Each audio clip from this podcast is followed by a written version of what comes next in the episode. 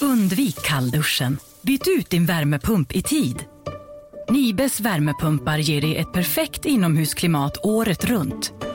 Gå in på nibe.se för att se vilken värmepump som passar ditt hem bäst.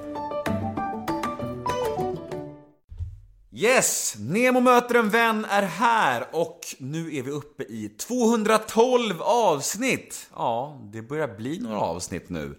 Och dagens gäst är ingen mindre än Alexander Bard. Men innan vi drar igång podden så vill jag rikta ett stort tack till alla er som har hört av er angående min självbiografi. Jag släppte min bok för ungefär en månad sedan och det var väldigt mycket känslor i det släppet. Det var väldigt blandade känslor. Mycket prestationsångest, nervositet och allt möjligt. Och ja, responsen har varit massiv och helt fantastisk. Jag är så glad att så många har läst min bok och jag är så glad att så många hör av sig med recensioner och tankar kring min bok. Ni får mer än gärna fortsätta köpa boken. Den finns på Bokus, Adlibris, Akademibokhandeln eller överallt där böcker finns. Så fortsätt gärna att köpa min bok, fortsätt att läsa den och fortsätt gärna att höra av er till mig med era tankar kring den. För det värmer mitt hjärta, jag blir berörd och jag är otroligt tacksam för allt det här. Ni är magiska, tack, tack, tack! Men dagens podd då, Alexander Bard, denna ja, mångsysslare. Han behöver ju ingen närmare presentation tänker jag. Han är väl en av de kändaste personerna i det här landet, så jag tänker att podden får tala för sig själv helt enkelt. Jag lämnar det nog så helt enkelt. Jag heter Nemo Hedén på Instagram och ni får gärna följa mig där, då blir jag väldigt glad. Och vill ni mig något så skicka mail till nemohedén gmail.com Där kan ni önska gäster till podden, ni kan önska mig om ni vill att jag kommer till er stad och föreläser. Eller ja, ni kan skicka mail och bara fråga mig vad ni vill. Typ hur jag mår idag eller hur min dotter mår eller om jag gillar vädret eller vad som helst. Jag svarar på alla mail.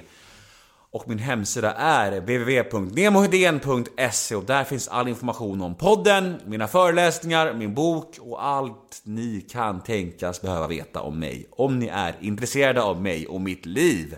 Men! Nu har jag babblat lite för länge känner jag och nu kör vi igång dagens podd. Neon möter en vän presenteras precis som vanligt av Radioplay och klipps av den fantastiska Daniel Eggemannen Ekberg. Men nu kör vi igång! Avsnitt nummer 212, gäst Alexander Bard. Rulla gingen! Woho!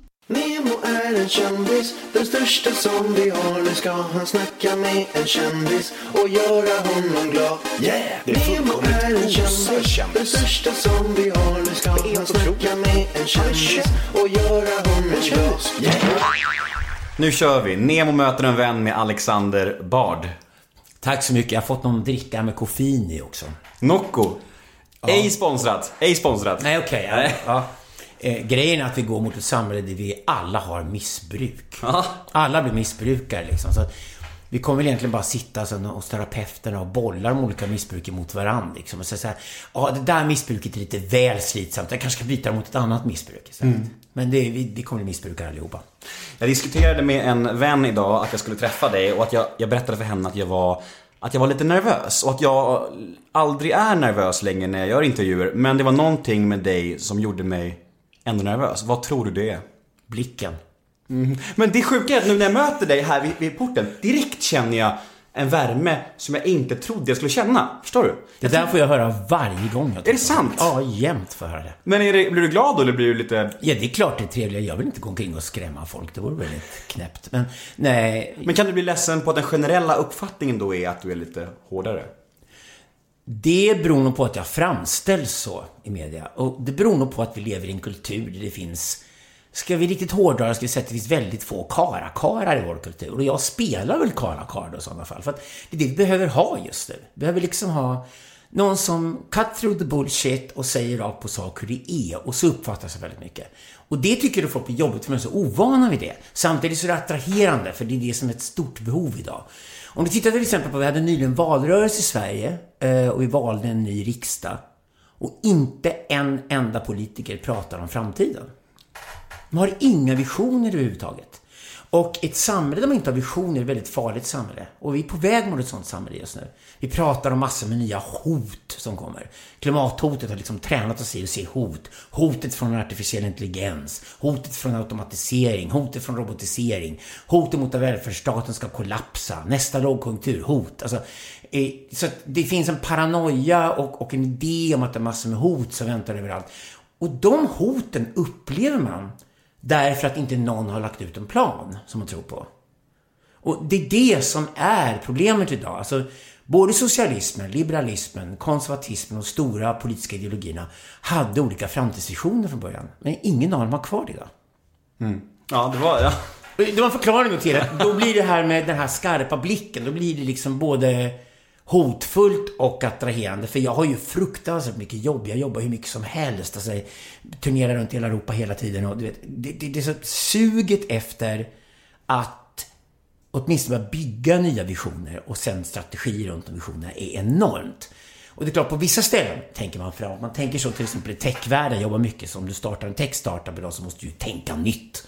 Och tänka framtida problem som ska lösas med ny teknologi och sånt där. Så där är det spännande att vara. Där jobbar man med det hela tiden. Men det gör man ju omgående affärer av det också. Så att där spelar man på liksom människors mest akuta behov och försöka släcka de behoven.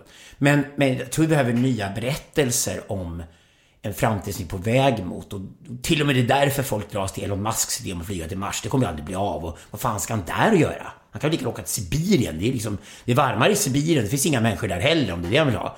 Utan det här med Mars är ju bara att han åtminstone kastar fram någon idé om att vi ska göra någonting annat. Eller åka till en ny plats. Liksom det förlovade landet eller vad det är. Och alla sådana berättelser attraherar idag. Mm. Men nu sitter vi här till slut efter ungefär tre år av tjat. Ja. alltså är, är det... När jag lägger på dig så mycket som, som jag har gjort, är det, kan du känna irritation då eller känner du bara smickrad att jag verkligen vill ha dig? Varken det ena eller andra, men jag är den svåra tjejen i baren. Ja, ja. hon vinner alltid. Ja, ja, Henne vill alla ha. Så är det verkligen. Ja, ja. Jag är jätteglad att du, att du äntligen är här. Och det, och det är så här att eh, när jag postade ditt namn på, jag tror på Instagram, då fick jag liksom rekordmånga kommentarer och så mycket reaktioner. Många var glada och tyckte det var superkul. Men supermånga också superarga. Jag ska ge han mer utrymme för med sina konstiga åsikter och hej och Varför tror du folk blir så arga? Därför att de är barnungar. Bara titta på vad de kräver. De kräver att han ska inte få yttra sig. Han ska inte få tala. Det är ju bara för att de vet att jag krossar dem. Om jag talar. För de har ingenting att komma med. En människa som skriker efter censur och bannlysning är en riktig jävla barnunge. Det är ungefär som dagens särartsfeminister. Det är väl det värsta jävla packet vi har kvar i samhället idag. Så de bara springer omkring och ska bannlysa och tysta hela tiden. För att de vet mycket väl om att om de klev fram i ljuset och mötte en sån som i debatten skulle jag fullständigt göra mos av dem på en gång. De har ingenting att komma med. Mm. Ingenting att komma med med sina egna stora feta egon och sina jävla Instagramkonton och jagar likes hela tiden. De är bittra som fan är de också, för att de är losers. Så att vi har ett problem med det Nietzsche då kallar på 1800-talet slavmentaliteten. Och Nietzsche älskar förstås människor som har en herrementalitet. Och herrementalitet betyder att man längtar efter frihet, man längtar efter att bestämma för sitt eget liv, man längtar efter att sluta vara en barnung och bli vuxen och ta ansvar. För om man blir vuxen och tar ansvar så får man ju också frihet som belöning. Och det är den resan människor ska göra genom livet. Men den här sortens barnungar vi har idag i vuxna kroppar som finns överallt i samhället som ropar efter censur och bannlysning mot sina meningsmotståndare. Det är ju de som är rädda för att bli avklädda. Det är inte bara så att de är barnungar och vägrar bli vuxna, utan de gillar att vara de här barnungarna.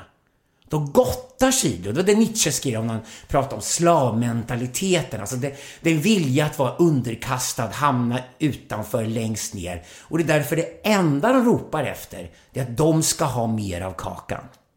Alla ska ställa upp för dem. Det är synd om dem. De är offer. De ska ha mer skattepengar. De ska behöva jobba ännu mindre. De ska ha ännu längre sjukskrivningar. De, de gör sig själva till offer och tävlar mot varandra. Liksom. Vem är det största offret? Och det är den offerkulten som sprids i vårt samhälle som är så vansinnigt destruktiv. Jag gillar ju både Karl Marx och Nietzsche. Och Karl Marx föraktar den sortens människor. Han kallar dem för trasproletariatet proletärer från det var ju människor som utbildade sig och som var industriella och jobbade hårt och skulle lyckas och därför förtjänade mer resurser och en större del av kakan. Men trasproletariatet såg inte Marx som framtid för taget. Det var människor som bara gick omkring och tiggde hela dagarna och tyckte att andra skulle jobba hårt för dem och andra skulle ge dem allt de behövde. Men de skulle inte själva ta något ansvar. Så du tänker efter Vilka är det som skriker efter att Alexander Bard inte ska få en plattform och han inte ska få höras eller synas? Det är ju precis den sortens barnungar som vägrar växa upp och som inte bidrar med någonting själva. Men eh, okej, för de folk tycker ju, eller fo- eh, Gemene man har ju en tendens att säga att eh, dina åsikter kan vara kontroversiella. Det tycker ju folk. Jag vet inte vad det är. Jag, fan, jag, jag tycker inte det, men, men folk tycker det. Och då undrar jag hur du tänker om det här. Kan det vara så att du ibland, eh, styr du det själv? Förstår du vad jag menar? Kan det vara så att du, nu måste det, nu ska det hända lite mer kring mig? Att det är lite medvetet? Att Nej, inte alls. Jag inte tycker, alls. Det, jag tycker det är vansinnigt tröttsamt. Jag träffade Jordan Peterson tidigare i veckan. Han, Mm. han är väl liksom en uppblåst variant av mig för han är, självklart kommer från Nordamerika och är liksom Jordan Peterson-fenomenet har spritts över hela världen. Jag, jag kanske är någon slags lokal motsvarighet till Jordan. Han är extremt nice och ödmjuk.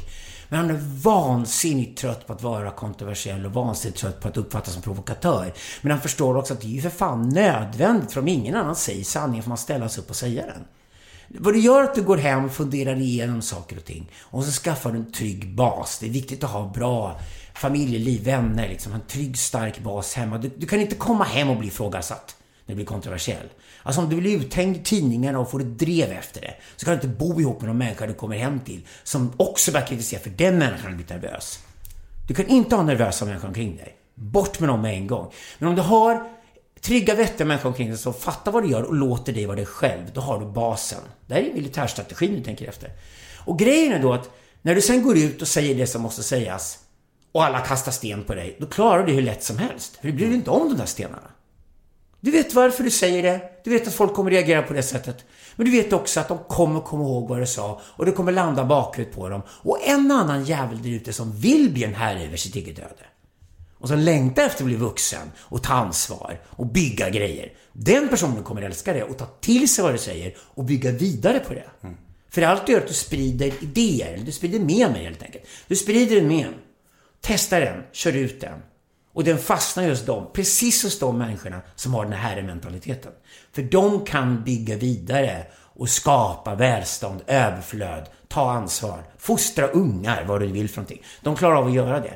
Men vad vi har idag är att vi har liksom massa psykiatriska gökungar ute i samhället som bara sitter och skriker och ska ha mer uppmärksamhet och som inte bidrar med någonting. Och det värsta är att de inte ens vill ta sig ut ur den fällan. Det är det enda de är vana vid. Och den människa blir van vid, tyvärr, det dras hon tillbaka till hela tiden, för det blir hon trygg i. Så, så om du är trygg i ditt... Det var som Jordan sa, Jordan Peterson sa en intressant sak. Han fick, han fick under question and answer där på Cirkus, fick, fick han den här frågan. Vad är det egentligen i de här som angriper honom och ska tysta honom? Angripa hans argument får du gärna göra, men de här som ska angripa och ta bort honom så han inte får synas och märkas och helst döda honom självklart. Vad är det hos de som driver honom? Sa att det värsta när du tittar riktigt ner i det är att det är en jävla massa självhat i botten.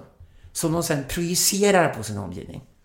Det är en jäkligt destruktiv kultur. Det är ingen nice att vara den kulturen överhuvudtaget. Och tittar du liksom på den här typen av sekter som finns idag som håller på med bannlysning och censurering och alltihopa. Kolla på dem när de går ut på nätet och ska starta något projekt. För ofta har ett projekt om de själva, att de är ett offer. Okay. När de gör det, de får inga pengar och crowdfunding alls. De har inga vänner alls. De enda allierade de har, tillfälligt allierade, är andra offer. Tills de här offren börjar tävla om vem som är det största offret, för det är vad de gör sen. Är en kvinna största offret? Eller en person med hudfärg som är största offer? Eller en person med någon sexuell läggning som är största offer? Eller varför en annan jävla minoritet som det är synd om den här veckan? Och så tävlar de om det här om vem som är det största offret. Och det är ju patetiskt alltså. Men de finns i samhället, de kommer inte ta makten, för de kan inte skapa något värde. De kan inte leda. Det enda de kan göra är att klaga och vara bittra. Men de kan ställa till en jävla massa skada och de är usla föräldrar. De är usla att ha omkring barn. För de sprider jävligt sunkiga värderingar som ingen unge förtjänar att få om man ska vara ärlig. Och det ser jag som väldigt problematiskt. Min mamma hade en fråga till dig. Bra, vi är gamla kärringar. hon är ett gammalt eh, fan till dig sen länge, hon gillar dig som fan. Och hon hade en fråga som rör dig. Jag tänker Du, jag kan säga så här. De som bråkar om Alexander Bard, det är 23-åriga brudar med alldeles för stort ego på Instagram. De bråkar med. Gamla kärringar älskar mig. Gamla matriarker, kärringar som har varit med länge, som har sett allting. De tycker jag är skitbra. För det jag pratar om egentligen att de yngre tjejerna ska lära sig av att respektera de äldre kvinnorna. För det gör vi killar. Vill du ha en hemlighet? Varför patriarkatet har slagit matriarkatet så många gånger genom historien. Så att killar lär sig att jobba i grupp. Och de lär sig att de yngre killarna måste lyssna på de äldre. För de har varit med längre. Det är därför unga killar kommer till mig hela tiden och vill ha mentorskap. De vill ha någon mer än farsan. De vill ha liksom några ytterligare vuxna män som de kan lära sig av. Och jag fattar det. Det är en naturlig reaktion, den är sund.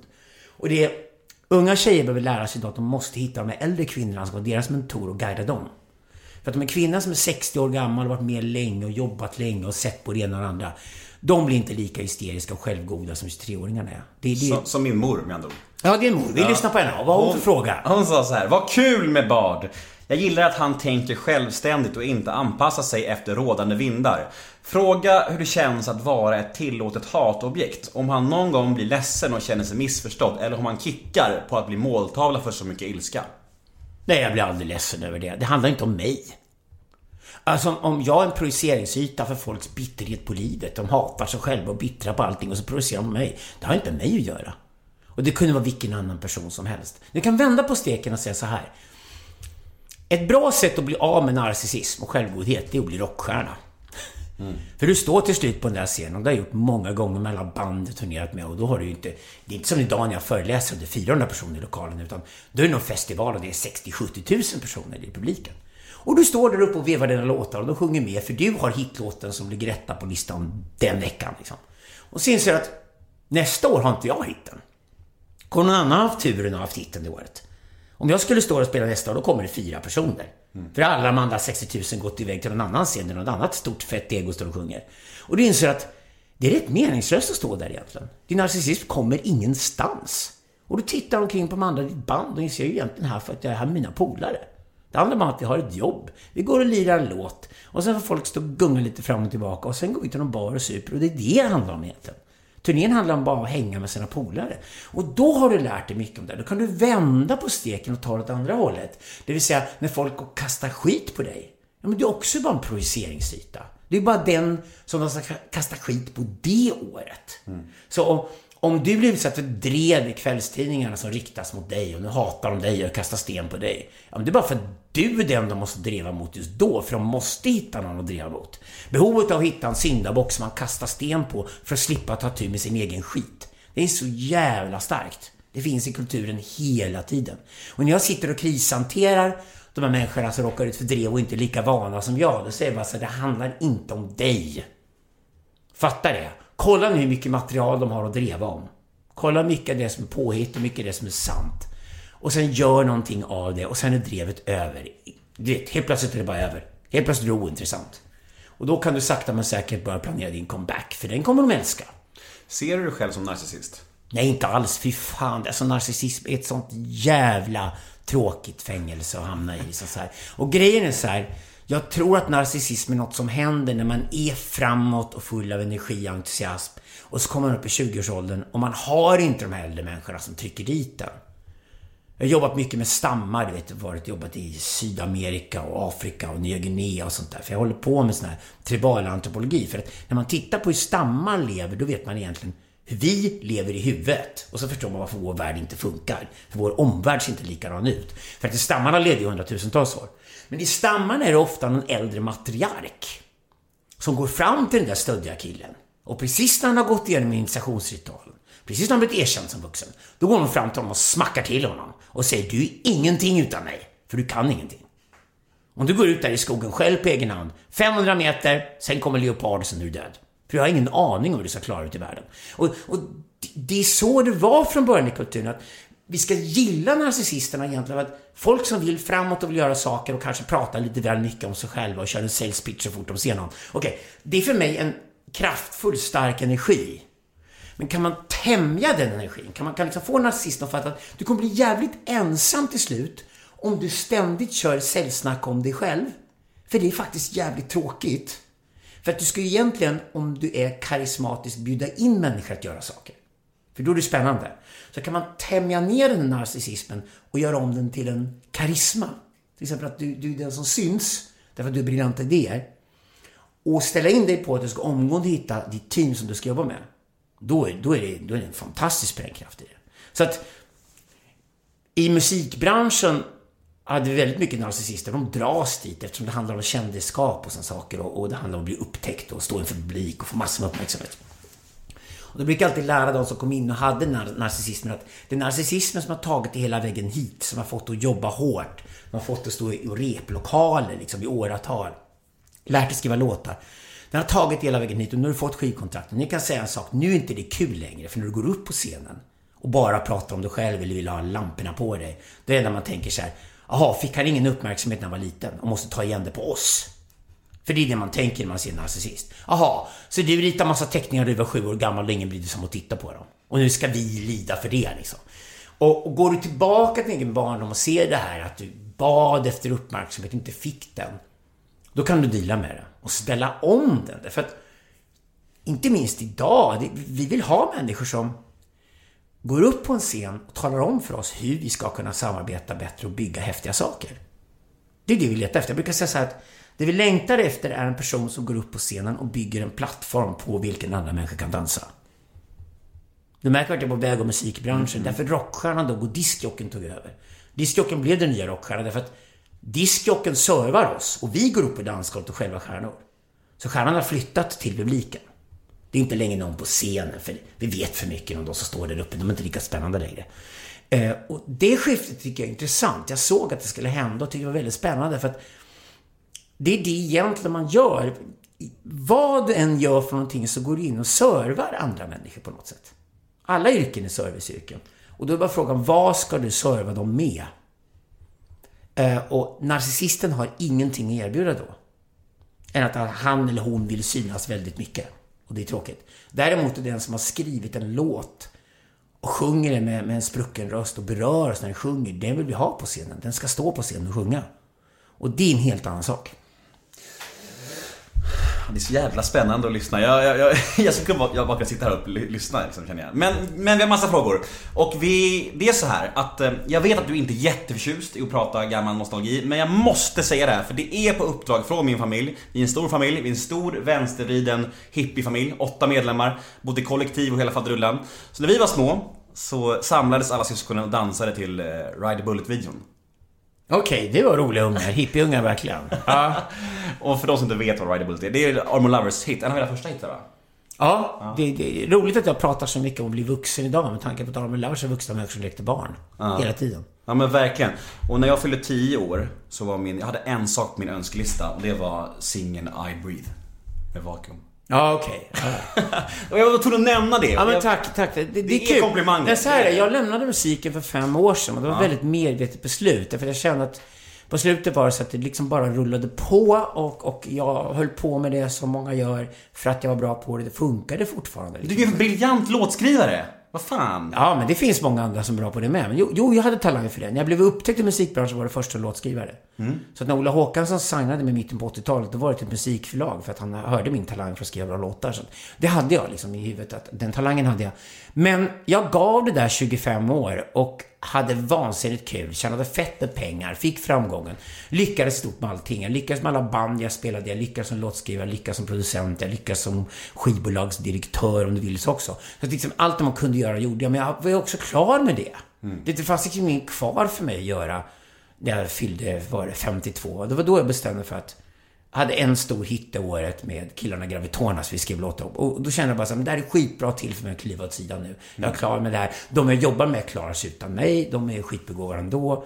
Eh, och, och, jag kände att jag är klar med det här nu. Och då hade jag redan börjat karriären som filosof. Jag liksom hade skrivit tre böcker, skulle börja skriva den fjärde boken med Jan Söderqvist. Och då kände jag bara så att det här är ett lysande tillfälle att kliva av. Och bara känna, bli filosof på heltid. Kan du känna någon saknad för låtskriveriet? Nej, inte egentligen. Det gör jag inte alls faktiskt. Det jag får utlopp för min kreativitet i alla fall och det får jag med att skriva böckerna. Mm. Och när du en gång upptäcker att du är kreativ och det är som det, är, det byggs upp någonting i dig som bara kokar efter och så måste det där bara ut. Eh, då är det så att skriva en filosofibok är ännu mer utmanande än att skriva en låt. Så att jag kände väl snarare då att jag tror det året jag la passerade Spotify gränsen för 18 miljoner låtar. Och min tanke var att världen behöver nog inte en låt till. Det finns 18 miljoner låtar att lyssna på redan. Eh, jag ska nog ägna mig åt filosofin. För att trots allt, filosofi är mer sparsmakat. Det är färre som håller på med det. Det är färre som kan göra det bra. Och det kändes som att det var meningsfullt. Mm.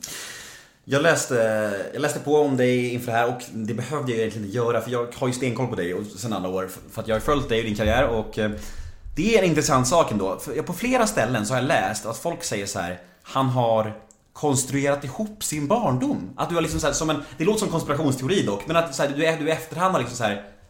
Ja men förstår du vad jag menar? Att du, när du pratar om den så har du liksom bestämt den lite själv. Vad intressant, och för de har inte gett oss ett enda fakta som inte stämmer. Det är jättekonstigt. Varför ska jag konstruera en barn? Varför ska jag det? Jag, jag, jag säger det, det är någon konspirationsteori, det stämmer inte. Men jag har läst det på några ställen. Ja, Det är jättekonstigt. Jag har inte, jag har inte, jag har inte dolt någonting. Om nu det ens är intressant. Alltså, det finns ingenting tråkigare än att gå in i en intervju där någon säger när du var 13 och gjorde det här. Ja, men vad spelar det för jävla roll? Jag är 57 och ska snart bli 67 och jag håller på att göra grejer nu. Jag vill inte prata om förr liksom. Nej. Jag har ett bra tips också. Eh, när du har gamla polare som bara vill prata om förr, släng ut dem ur adressboken. Alltså bara ring upp dem och säg, vad fan ska vi träffas för och prata om vi gjorde för 14 år sedan? Har ditt liv inte gått vidare? Händer inget längre? Jag tycker det är okej att prata om förr när man sitter på servicehuset och demensen börjar slå på, för då har man kanske inget annat att komma ihåg. Men alltså, då är jag 85 kanske jag är en sur gubbe som vill prata om när jag var 25 eller någonting. Men inte fan vill jag göra det idag. Jag tycker det är tråkigast av allting. Och desto mer är journalister som bara pratar om "Ja, jag har researchat dig och kollat vad du gjorde när du var 12. Jaha. Det är ju inte den första som gjort till att börja med. Och för andra är du ju vansinnigt fantasilös som inte har kommit på något intressant att snacka om. Då åker jag hellre ut till Nemo Vällingby och gör en podcast, det kan jag lova dig. För jag är intresserad av vad som händer nu, jag är intresserad av dig lika mycket som av mig, jag är intresserad av människor omkring mig håller på med. Jag tycker att människor är oerhört intressanta. Jag tycker teknologi är superintressant, jag tycker förändring är intressant. Jag reser massor runt hela världen och tycker det är skitroligt spännande. Och det vill jag jobba med, hålla på med och plocka ihop och liksom ge folk kartor över vad som pågår så att de kan bygga sig modeller som kan orientera sig. Det är häftigt att hålla på med. Det är vad filosofer gör och, och det är det jag vill syssla med och jag är inte så intresserad av vad jag gjorde när jag var liten. Då skiter vi i barndomen. Jag är i alla fall inte samma person. Du kan hitta personlighetsdrag som stämmer. Alltså, jag berättade en historia förut om att när jag var sju år gammal så mitt pojkrum hade liksom idolaffischer. Och den ena väggen var rockstjärnor och den andra väggen var filosofer. Och alla hade skägg. Eh, och jag skaffade skägg och jag blev först rockstjärna och sen filosof. Så att på det sättet var redan sjuåring klar man ville göra. Cirkelslutning. Ja, okej. Så personligheten fanns självklart där. Men, men vad jag i övrigt gjorde när jag var liten eller fattade beslut var helt utifrån den lilla värld jag levde i då och det jag visste om världen då. Det är klart min värld är så mycket, mycket större idag och jag har en helt annan frihet att göra vad jag vill än vad jag gjorde som liten unge. Så att jag tycker faktiskt det jag håller på med idag är intressantare. Men tänkte, när du var liten, tänkte du att du skulle vilja hålla på med flera olika saker när du var stor? Ja, det gjorde jag faktiskt. Det, det gjorde jag. Som du har idag. Idag är det många strängar på din lyra. om Man säger. Ja, fast det var inte viktigt utan snarare att Idag är det ju en allmän värdering också att drömmen är att få hålla på med man tycker absolut roligast i livet och få betalt för det. Det är drömmen. Verkligen. Det, det är det som alla längtar efter mest. Och det har jag fått göra. Okej, jag har gjort mycket horjobb. Okej, inklusive sålt sex. Så Vad är, vad, vad är det horigaste jobbet du har gjort? de flesta jobb är horjobb. Alltså, hora har inget med sexarbete att göra. Sexarbete är sexarbete. Hora är man varje gång man gör något mot betalning som man inte har lust att göra. När har du känt som Jo. mest? Vilket jobb har du känt som mest där? Åh fy fan, lite skamsköljning över att du, du gör det här för pengar. Nej, det har jag aldrig skämts över. Nej, okej. Tvärtom. Jag tycker snarare tvärtom. När jag gör någonting som är jävligt kul och får betalt för det, då får jag skuldkänslor. Men jag får inte skuldkänslor av att göra ett skitjobb som jag får betalt för. Det för förmodligen gör jag för att jag behöver göra det, eller måste göras. Och då är jag stolt över mig själv, för det är då man ska få vuxenpoäng. När man går utanför sin comfort zone och gör jävligt jobbiga saker. Nej men... Jag tycker nästan också att det bästa jag gjort är de där skitjobben. Alltså redan när jag var 17 jobbade jag på ett vårdhem med dementa gamla människor som i stort sett bara vändes runt i sängar och låg och sköt på sig. Och de anhöriga slutat besöka dem för det fanns ingenting att hälsa på längre. Eh, men det lärde mig massor om vårt samhälle och hur vi ser på kroppar och människor och allting. Och det var slitgöra som fan. Och jag har sedan dess stor respekt för människor som jobbar med sådana saker. Så att det är väl snarare så att de man har mest respekt för är inte de som håller på med samma grej som en själv. Utan det är faktiskt de som sliter med allt det som man själv försöker komma undan eller inte skulle klara av. Det är de man respekterar mest av alla. Så jag gillar arbetarklassen. Jag gillar liksom folk, vanligt folk. Jag gillar folk som sliter i vardagen och, och, och försöker göra så gott de kan med det de har. Och är stolta över det. De, de människorna kan man alltid lita på. Det, tycker jag är coolt. Eh, det som man har drömt om att göra och få göra, det är ju bara... Då får man lycklig skit att man får göra det. Har det funnits en längtan efter alltså offentligheten och höras och synas? Alltså under tidigare år tänker jag. Nej, inte egentligen. Men mitt jobb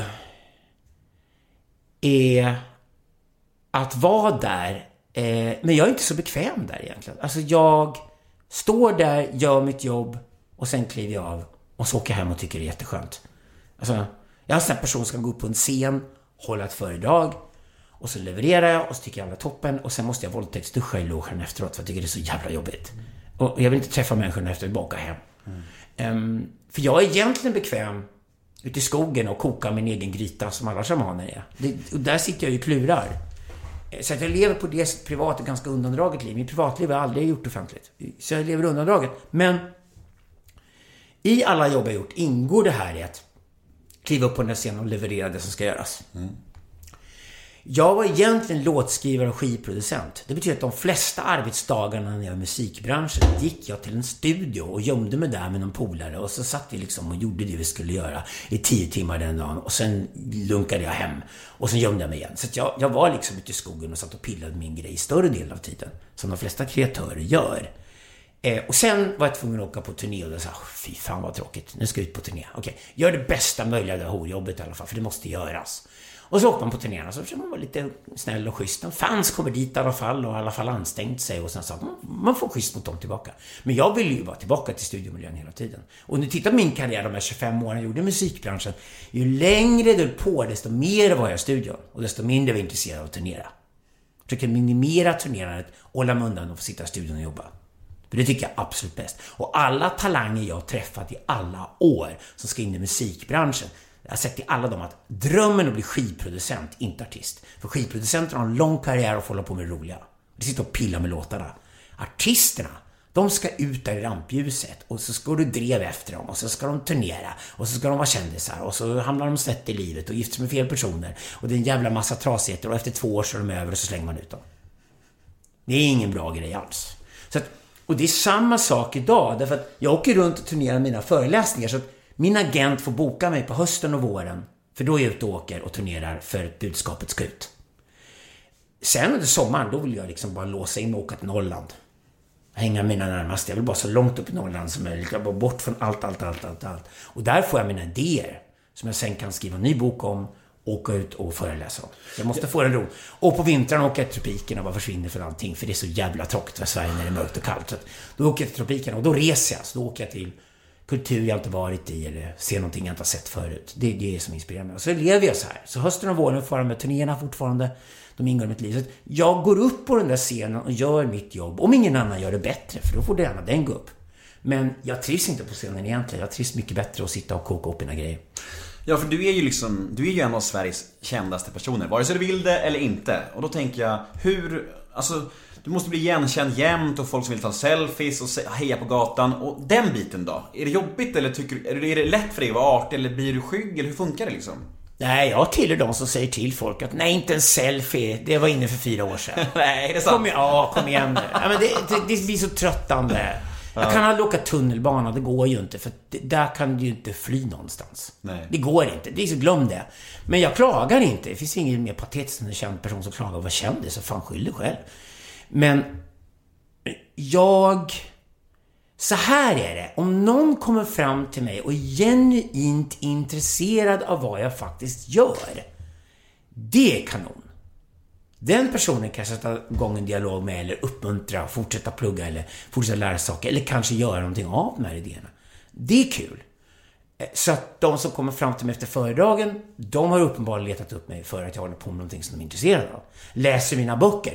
Klarar av att läsa Bard och Söderqvist och det är avancerad filosofi, men klarar av att läsa det, då ska du absolut få din pratstund med Alexander. Absolut. Men de som kommer fram till mig och bara ser mig som en kändis, du vet de här som inte ens kommer ihåg om det var Idol eller Talang de såg mig så här.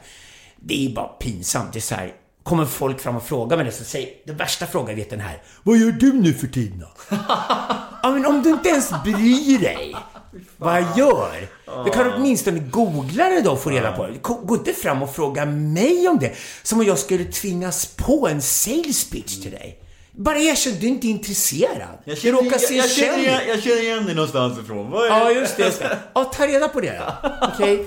Kanske det är sant, men varför ta reda på det? Det är väl jättepinsamt. Därför att skärp dig för fan. Alltså, om du inte ens är tillräckligt intresserad för att veta vad jag gör, då bryr du dig inte. Då är det bara att konstatera att en kändis gick förbi, skit i det. Ja, Det, verkligen. det är så, så är det verkligen. Så att det är... Det är skillnad på de som på riktigt är intresserade av vad jag håller på med och de som bara ser en kändis i största allmänhet. Återigen, är du bara utbytbar, kunna vilken annan kändis som helst, då spelar det ingen roll. Men om det är just dig, om det är just Nemo eller just Alexander, de vill connecta med att de har en idé, då är det intressant. Mm. Absolut. Sen finns det de här också som, jag är lite sociopatmagnet antar jag. Sen finns det ju de som kommer fram till mig och har långa, långa brev färdiga med galna idéer och tror att jag ska lyssna på dem och då tänker jag bara så här. Bara för att ingen annan orkat lyssna, varför i helvete skulle jag som är så jävla stressad vara den som måste lyssna? Och då får man vara lite artig och snäll tillbaka och säga nej jag hinner inte. Det går inte. Men det, det är mycket sånt i Facebookflödena. Det, det är mycket sådana grejer. Men, men det är ju mer de här människorna som inte har något socialt omdöme överhuvudtaget. Och just inte når fram till någon. För det de håller på med är så knäppt att ingen bryr sig. Det känns ändå som att du har en tydlig gräns eh, mellan offentligheten och privatlivet. Absolut. Det är skitviktigt. Återigen de tips jag kan ge folk som är på väg in i det offentliga rummet och slår igenom och blir kända. Nummer ett. Skilj privatliv från offentliga stenhårt. Jag har aldrig släppt in en kamera i mitt hem. Du har aldrig sett Alexander Bard öppna sitt eget kylskåp på en bild. Det finns en, en stenhård mur runt privatlivet. De jag lever närmast med ska bara utsättas för det som de själva vill utsättas för. Om folk ringer mig och frågar mina föräldrar, min familj, mina syskon, de jag lever med och så vidare och ska liksom ta reda på saken. Det är bara, det är bara stängt på en gång. Alltså jag berättar ingenting. Det, det, folk har inte i mitt privatliv att göra. Det är verkligen ett privatliv. Och det är jätteviktigt för att när du ska dra dig undan någonstans så måste du kunna ha den där privata sfären. Och har du då fläkt ut absolut allt, verkar varit en hora, och fläkt ut, ut absolut allt, så alla vet allt om varenda por i ditt liv, då har ju inget kvar att skydda dig med. Nej, man blir som ett öppet sår. Ja, och det är inte så jävla kul faktiskt, ärligt talat. Allra minst för dig själv. Du har ingen integritet kvar. Nej du, jag har mycket att lära där kan jag säga.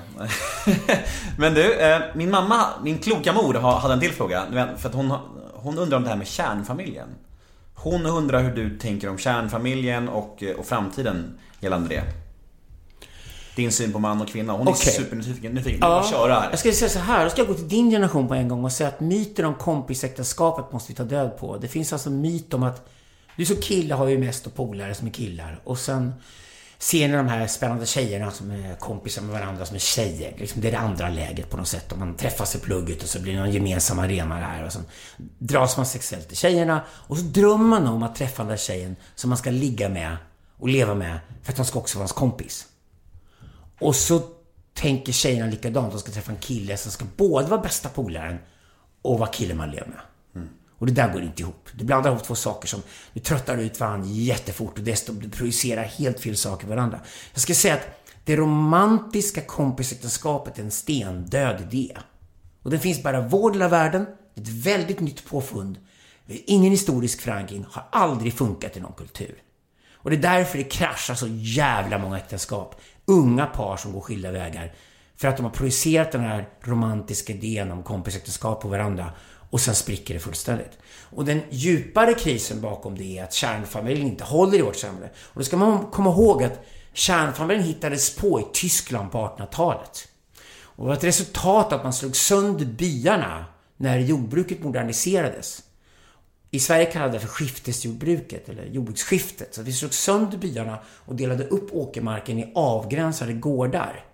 Och du frågar hur ska du stoppa in människor i de här gårdarna då? Ja, då tog du Britta i Sörgården och Lasse i Norrgården i byn och så gifte du ihop dem. Och sa, nu ska ni leva ihop hela livet och ska ni bo i det här huset, den här gården, ensamma. Utan några andra människor omkring er. Och föda några jävla ungar som ni också måste ta hand om i den här gården och så ska den vara lyckliga i det. Och det här börjar en stor olycka därför att det här, då slog vi sönder bygemenskapen som folk trivdes fan så mycket bättre med. Och införde kärnfamiljen som ideal. Och det är de, liksom de starka krafterna i samhället, politiska visioner, marknaden, alltihopa, som såg kärnfamiljen som en bra grej. Därför att jordbruket blev ju effektivare. Att man hade gårdar istället för byar. Och det kan ju också bero på att folk som bodde med gårdarna var jävligt frustrerade. Och frustrerade människor jobbar hårdare, för de tror att de ska jobba hårdare för att slippa vara frustrerade. Vilket bara gör dem ännu mer frustrerade. Så att kärnfamiljen fanns där och sen flyttade den in i städerna, i fabrikerna och då från början var det liksom att han skulle gå och jobba i fabriken, hon skulle stanna hemma med ungarna.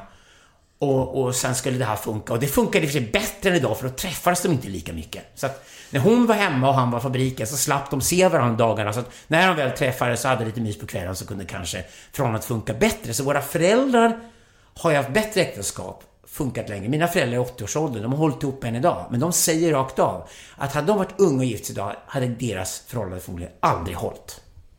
Det är en helt annan press på förhållanden idag. Så att den här modellen, den släpar efter från förr. Och vi människor gillar romantik och vi gillar drömmar. Och inte minst tjejer drömmer om att träffa den rätte. Den här killen som har allt. Och han ska både vara hård och tuff i sängen och knulla dig jättebra. Och så ska han vara snäll och mild och gullig och tycka det är jättekul när du öppnar din shoppingbag och berättar för honom allting du har shoppat. Fast killarna hatar shopping. Och sen ska han dessutom avstå från att gå ut med polarna till en sportsbar och kolla på fotbollsmatch. För han ska hänga med dig istället på din väninnemiddag när du och dina tjejpolare sitter och dricker vitt vin. Fast du är den patetiska jäveln som släpade med din snubbe dit och han bara hatar att sitta där för han är inte dugg intresserad av allt skvaller ni håller på med. Så att på det här sättet tvingas killar och tjejer in i varandras världar där de egentligen inte delar några intressen. Och sen ska man hålla ihop det här. Och så börjar det bli kris och då ska man gå till en terapeut och sitta och slipa. Och då säger terapeuten så här, ja, ni måste kompromissa jättemycket om det här ska funka. Och det är kompromisser som är så här, du måste utplåna dig själv och låtsas att du gillar att göra det som din partner vill att du ska göra. Eftersom ni har bestämt att ni ska vara ihop jämt. Men det, det funkar inte så. De flesta kulturer lever killar och tjejer åtskilda från varandra större delen av tiden. För killar delar killars intressen och tjejer delar tjejers intressen. Och det är också ganska avstressande för då slipper man som tjej ha höga klackar och läppstift på sig jämt. För i miljöer där du alltid möter det andra könet, då har du sexualiserat den miljön. Det är som flesta arbetsplatser idag, alla krogar idag, tunnelbanevagnar. Alla miljöer vi är i idag blandade kvinnor och män hela tiden. Och kvinnor och män i reproduktionsålder kommer då alltså vara under konstant sexuell stress. Det är därför det inte funkar. Så kärnfamiljen, liksom, hej då, det är så här... Bästa idag är ju faktiskt att bli singel, och det gör vettiga människor. Du blir singel, bo själv, Lär dig klara av det. Och sen när du ligger där och sover ensam varje natt tycker jag det blir lite tråkigt. Fundera igenom hur du skulle kunna ha en annan livsstil. Och mitt råd är det här. Spring då inte iväg liksom dit kuken eller fittan för det. Alltså gå inte igång på första bästa sexuella reaktion. För knulla kommer du få göra. Det finns Tinder. Okej? Okay? Mm. Ligga får alla göra. Okay? Och tjejerna, tjejerna har till och med bättre marknad än killarna. Tjejerna kan ha mer pick än killarna. Så det här är bra nyheter för tjejerna. Så ligga får du göra, så det är inget problem. Mm. Tänk så här snarare att vem tycker du det är absolut najsast och mysigast med att kolla på Netflix-film på en tisdagkväll? Och ännu hellre ligga och snacka med på tisdagkväll? Eller gå ut på krogen med. Börja med de människorna. Är det polare? Fundera på att flytta upp en polare. Är det en person av motsatt kön? Grattis! Då kanske du är en av de få som kan ha ett kompisäktenskap. Men börja tänka så här, vem är det du gillar att hänga omkring? Vem händer det spännande saker mellan dig och den personen om ni hänger med varandra. För att det är bättre att börja den änden. Och därför är det intressant med folk som experimenterar idag med kollektiv. Nu har vi en ny sån kultur som jag deltar i i Stockholm, så kallad mailbonding-kultur. Alltså killar som gillar att ligga med tjejer, men gillar att bo med killar. Det är en väldigt grabbig grej att göra, men det håller på att växa som tusan. Och många killar upptäcker att ja, det här kanske är en bättre modell. Mm. Och, och det... Vi måste hitta nya modeller för samlevnad helt enkelt. Än de gamla. Och polyamorositetsvärlden är också intressant. Därför då är det så att, okej, okay, jag kanske ändå är så att jag vill, jag vill en person av motsatt kön, för jag vill ha en sexuell partner som... Det är kanske det jag tycker är roligast på en tisdagkväll med Netflix-filmerna då. För man vill... Man vill knulla efter man sett filmen. Ja, fair enough. Ja, fair enough. Fair enough. Okay. Då, då är polyamorositeten intressant, men den är krävande. Då går in i förhållande med, med en person och säger att vi kommer bara vara intresserade av att ligga bara med varandra en viss tid. Monogamin kommer hålla ett tag. Men om vi tillåter oss själva att ligga med andra. Med eller utan den andra sällskap. Okej. Okay. Då finns det jäkligt mycket spännande kinkyklubbar och sällskap och grejer och prylar online man kan gå med Och jag tror att de, de som går in idag med, med öppna ögon i 25-årsåldern och inleder sådana här polyförhållanden har ju mycket, mycket bättre odds för att det ska funka än de här som går in med en monogam fantasi vid 25-årsåldern. För den kommer spricka fett mycket. Och grejen är så här. Om du gått in med monogamin som en förutsättning, att det, ni ska vara sexuellt trogna mot varandra och det måste vara så. Då betyder det att när första otrohetsaffären kommer, då kommer en jättekris på en gång. Eller när den första otrohetsaffären kommer fram. För alla ligger bakom ryggen på varandra hela tiden. Så, men jag tycker det är mycket radikalare och bättre i sådana fall att gå in med det här polyidén man är 25-årsåldern och säga okej, okay, vi, vi är medvetna om att med all säkerhet så kommer vi liksom ligga med andra. Å andra sidan är vi kanske de som inte behöver skilja oss då. Vi klarar det. Vi kan ha familj och barn, det kommer hålla. Eh, och eh, det är en mycket mer realistisk bild av världen idag när vi alla bor i storstäder och har Tinder i fickan och Facebook-konton och alltihopa och träffar hundratusen människor under livstid varav hälften är motsatt kön. Alltså, det är mycket, mycket lättare att leva så tror jag med den inställningen i det här samhället. För vi lever inte kvar i den där avskilda gården på landet där vi aldrig träffar någon. Och det var då monogamin kunde funka. Jag eh, har ju en dotter ihop med en kompis. Mm. Mm. Så jag, du måste vara stolt över mig, att jag valde att göra så. Ja. ja, ja. Nej men det känns modernt och det känns som att det mer och mer hamnar där. Att man, för det känns som att vi slipper så mycket med det här med förväntningar på varandra och du vet så här att de flesta föräldrar som skaffar barn blir ju så här, åh vår relation kommer i skymundan, när ska vi få ensamtid? Vi har inte det liksom. Mm. Vi ser bara vår dotters bästa liksom och, och vi har en vänskapsrelation och det är det enda vi har. Det är, det är skitbra att du säger det Demon, för då kan vi ge ett råd med en gång till de som lyssnar.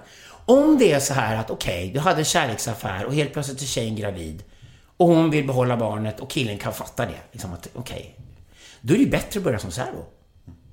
Ha inte ett förhållande. Så att ni har ett förhållande, att ni ska vara föräldrar tillsammans. Då kan ni ju fortfarande under resans gång dejta. Ni kan träffas regelbundet och det kan uppstå någonting när barnet börjar växa alltihop som gör att vi kanske tar en unge till ihop, för det här funkar ju bra. Mm. Och då kanske vi ska bo upp under några år. Mm. Och jag tror faktiskt tjejer är mer intresserade av vad killar är. För att när vi tittar på, återigen när vi åker ut med stammar och studerar om sån tribal antropologi som jag och Jan Söderqvist har på med, då, då märker jag att äktenskapet är från början en väldigt grabbig idé, för det kommer från det allra första äktenskapet, det var ju när militärer svor eder mot varandra att de skulle vara lojala på slagfälten. Ursprungsäktenskap var mellan män. Sen när vi fick in property, eller egendom i historien, att, att man ska äga saker och basen i livet var att man hade egendom.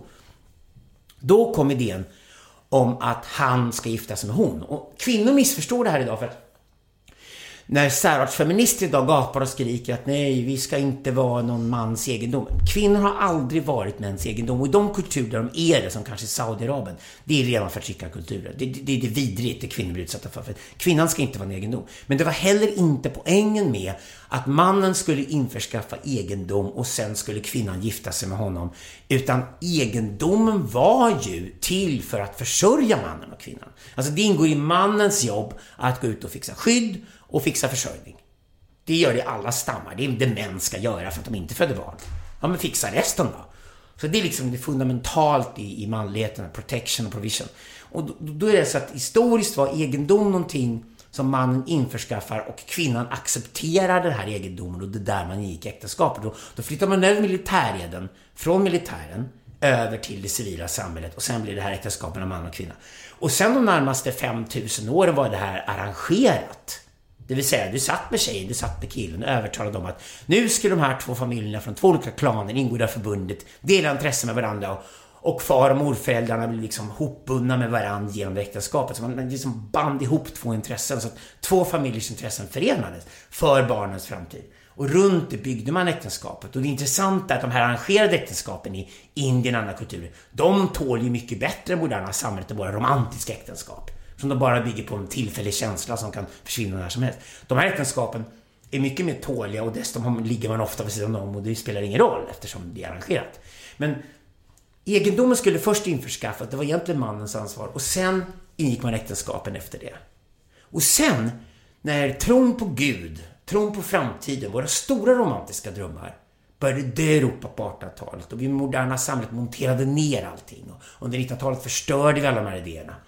Sen fick vi Hitler och Stalin och lite annat jävla länder på kuppen och Sen dog alla idéer efter oss. Sen blev det till och med farligt att ha drömmar och idéer. Och då flyttade romantiken in i han och hon. Och idag är samhället besatt av den här romantiken. Och tjejerna går omkring idag besatta av bröllop. De är besatta av bröllopsklänningar. De lägger åratal på bröllopsklänningar. De har egna TV-shower om bröllopsklänningar. Brudarna är besatta där. Ungefär som om de har tagit över besattheten av bröllopet och äktenskapet. Och där gör tjejerna ett stort misstag. För tjejerna har bara nytta av snubben under den romantiska fasen, förälskelsen, sen blir hon gravid och sen föder de barnet. Och när väl barnet föds, då är tjejen intresserad av att det finns en försörjningskanal till henne. Och det var egentligen de äldre kvinnorna som garanterade det från början. När de äldre kvinnorna inte finns där, för de är 55 år gamla och ska självförverkliga sig och resa världen runt och vill aldrig bo på hotell längre med barnfamiljer, för de ska ha sin frihet nu. När kärringarna sticker iväg, då blir den unga kvinnan ensam kvar och då kommer hon tillbaka till dig som snubbe som gjorde henne gravid. Hej, jag Ryan Reynolds. På Mint Mobile, we like to do the opposite of what Big Wireless does. They charge you a lot, we charge you a little. So naturally, when they announced they'd be raising their prices due to inflation, we decided to deflate our prices due to not hating you.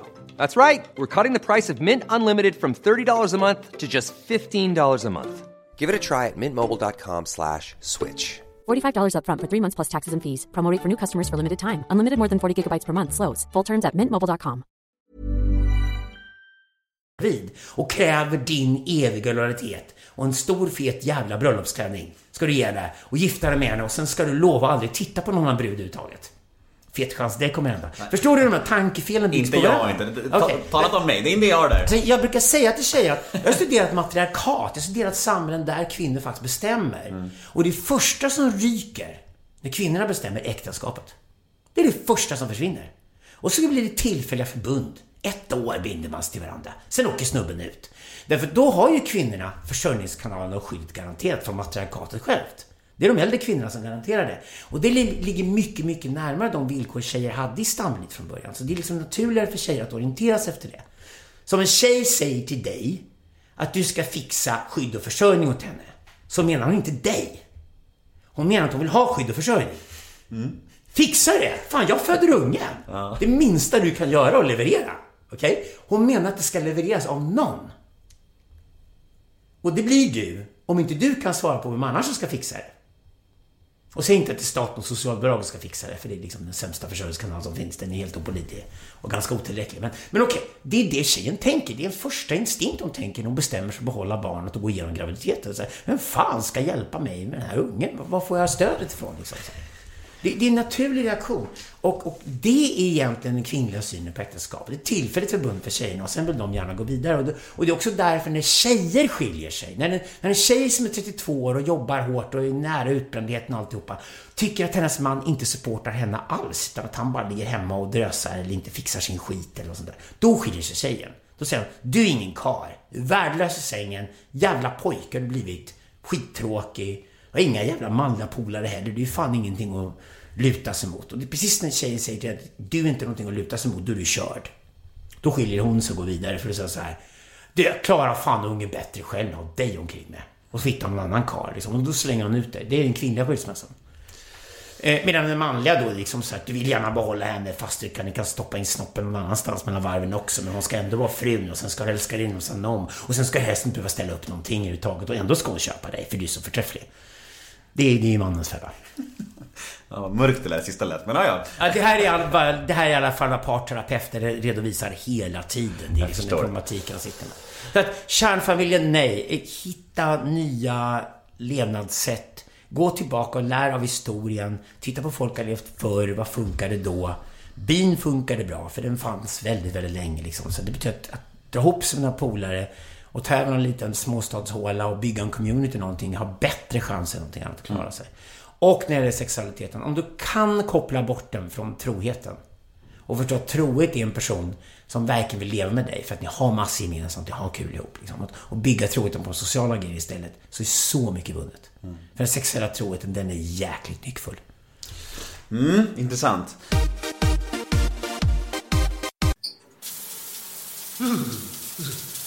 Undvik kallduschen. Byt ut din värmepump i tid. Nibes värmepumpar ger dig ett perfekt inomhusklimat året runt. Gå in på nibe.se för att se vilken värmepump som passar ditt hem bäst. Med Tres tilläggstjänst Tre världen företag blir business enklare när du reser. Mejla från strand i Thailand. Eller videokonferens från USA. Med tjänsten kan ditt företag surfa och ringa i 80 länder. Välkommen till Tre Företag. Jag intervjuade ju Camilla Henemark för några månader sedan och eh, hon pratade ganska ledsamt om er konflikt. eh, Eller det faktum att ni inte pratar alls sen ganska länge. Vad, vad tänker du om Ja, fast det stämmer inte. För i morse på dem på Kristallengalan Ja men det sa hon faktiskt. Det sa Men, men... Och då sa jag någonting väldigt snällt till henne och sa jag tycker mycket mer om dig än Alexandra Pascalidou. ja men Camilla, min syrra. Alltså det, det är som ett storm i ett gammalt sys- syskonförhållande. Hon, hon, hon är bitvis briljant. Hon är... Hon har kapaciteten att vara briljant. Hon är skarp i huvudet och jävligt rolig. Om hon var i form under Ahmed Alversson så var hon så satans karismatisk. Jag kan sakna henne mycket men hon har en omfattande privat problematik med ADHD-diagnos och liksom, jag vet inte fan vilka diagnoser hon har och missbruksbild och sådana grejer. Och hon lyckas aldrig deala med det utan man släpar runt det och tar med sig in i rummet och tvingar sig på dig med det. Och det blir som att ha ett svart hål i närheten. All din energi går i hennes riktning. Och sen får du ingenting tillbaka. Och vad fan ska man stanna där för? Det är som det... Det finns massor människor som ber om hjälp. Men det första du måste fråga om någon ber om hjälp är, vill de bli hjälpta då? Och framförallt, kan du ge dem precis den hjälpen så de klarar av resten själva? För annars är det också meningslöst. Om du ger folk all hjälp med allt, då har jag gett dem en stor jävla tutte och som en bebis igen. Du ska bara ge folk så mycket hjälp att de kan ta nästa steg själva och få självförtroende och klara av det. Och då måste de vilja det. Och där spricker det för mig och Camilla varje gång. Det är så här, hon har fått så många chanser av mig. Jag har varit så schysst mot henne och det tror hon håller med mig om. Men jag har ingen anledning att hänga med henne eller umgås med henne idag för att jag har jobbat, jag måste lägga min energi på människor som vill framåt och uppåt. Mina mentorskap eller vad det är för någonting. Mina polare, de jag lever med. Det är människor som lever och gör grejer hela tiden och klarar sig själva. Liksom. Och det är ett villkor för att vara runt mig. Jag, jag kan inte lägga min tid på folk som bara vill sitta och gagga om för och missbruka. Det går inte. Har du någon ambition att, att la- lappa ihop er relation? Då måste hon visa en förändring. Det måste helt plötsligt vara glasklart att hon har tagit sin situation på allvar. Hon har skaffat sig rätt diet, Hon har börjat träna. Hon tar hand om sig själv. Liksom. Om de signalerna kom, då är ju skitrolig. Alltså jag är den första att försvara Camilla Enemark. Och det är fortfarande så, syskonskap finns kvar på en punkt och det är att om en yttre fiende skulle ge sig på henne och mig skulle jag försvara henne stenhårt. Absolut. Camilla är en syster. Men hon är systern som är inte med boet längre. Hon, hon får klara sig där ute själv. Och det är tyvärr det bästa jag kan göra för henne idag. För att hon måste någonstans klara sig själv och anka sig fram och försöka hitta en form av självrespekt som gör att hon kan deala med sina grejer. Jag kan inte hjälpa henne. Jag kan inte göra det och då tänker inte jag lägga tid på det, låtsas någonting annat. Och det sista comebackförsöket hon fick det var så ändå att okej, jag går så långt jag bara kan och gör, är så generöst det går och hjälper henne så mycket det bara går för att hon ska få den där comebacken. Och hon tog den inte. Hon ansträngde sig inte alls för att möta det. Och när det drabbade andra personer omkring oss, då var jag iskall mot sparkande. Jag har alltid varit det. Jag går alltid in i... Om jag går in på ett möte, till exempel ett bolag, då vänder jag mig alltid om till typ praoeleven, eller den som kom sist in på kontoret. Den, den som alla ser minst, egentligen. Och frågar den hur en viss person är. Och ser de då att den personen går bara förbi mig eller spottar på mig eller behandlar mig illa och sånt där, då vet jag med en gång att det är skithög. Den som slickar uppåt och spottar neråt ska du aldrig ha omkring dig. Någonstans överhuvudtaget. Det, det går inte. De, de förstör alla miljöer de befinner sig i. De skapar en jävla taskig, destruktiv kultur. Det, blir ögonkänneri, det blir ja-sägeri. De håller bara på att försvara sin egen position. De är besatta av hierarkin, de är besatta av ens makten och, och vill uppåt hela tiden och skiter fullständigt de som hamnar under. Mobbar de som hamnar under. Och de kan inte ha miljön. Och, och det var där jag kände också att när Camilla brutalt fick sparken, för det fick hon av mig och Dominika och Jean-Pierre och vi stod bakom det beslutet. Då var det där vi kände bara att hon fick en sån fet jävla chans, drog med oss ner i fallet och framförallt drog med en massa andra människor ner i fallet. Som var helt oskyldiga. Och det var inte okej. Det är inte det. det är... Jag kommer aldrig vara medberoende med någon. Som vill ha en beroendesituation och vill behålla den. Så dum är jag inte. För då blir jag bara en person som underhåller någon som inte vill deala med sin skit.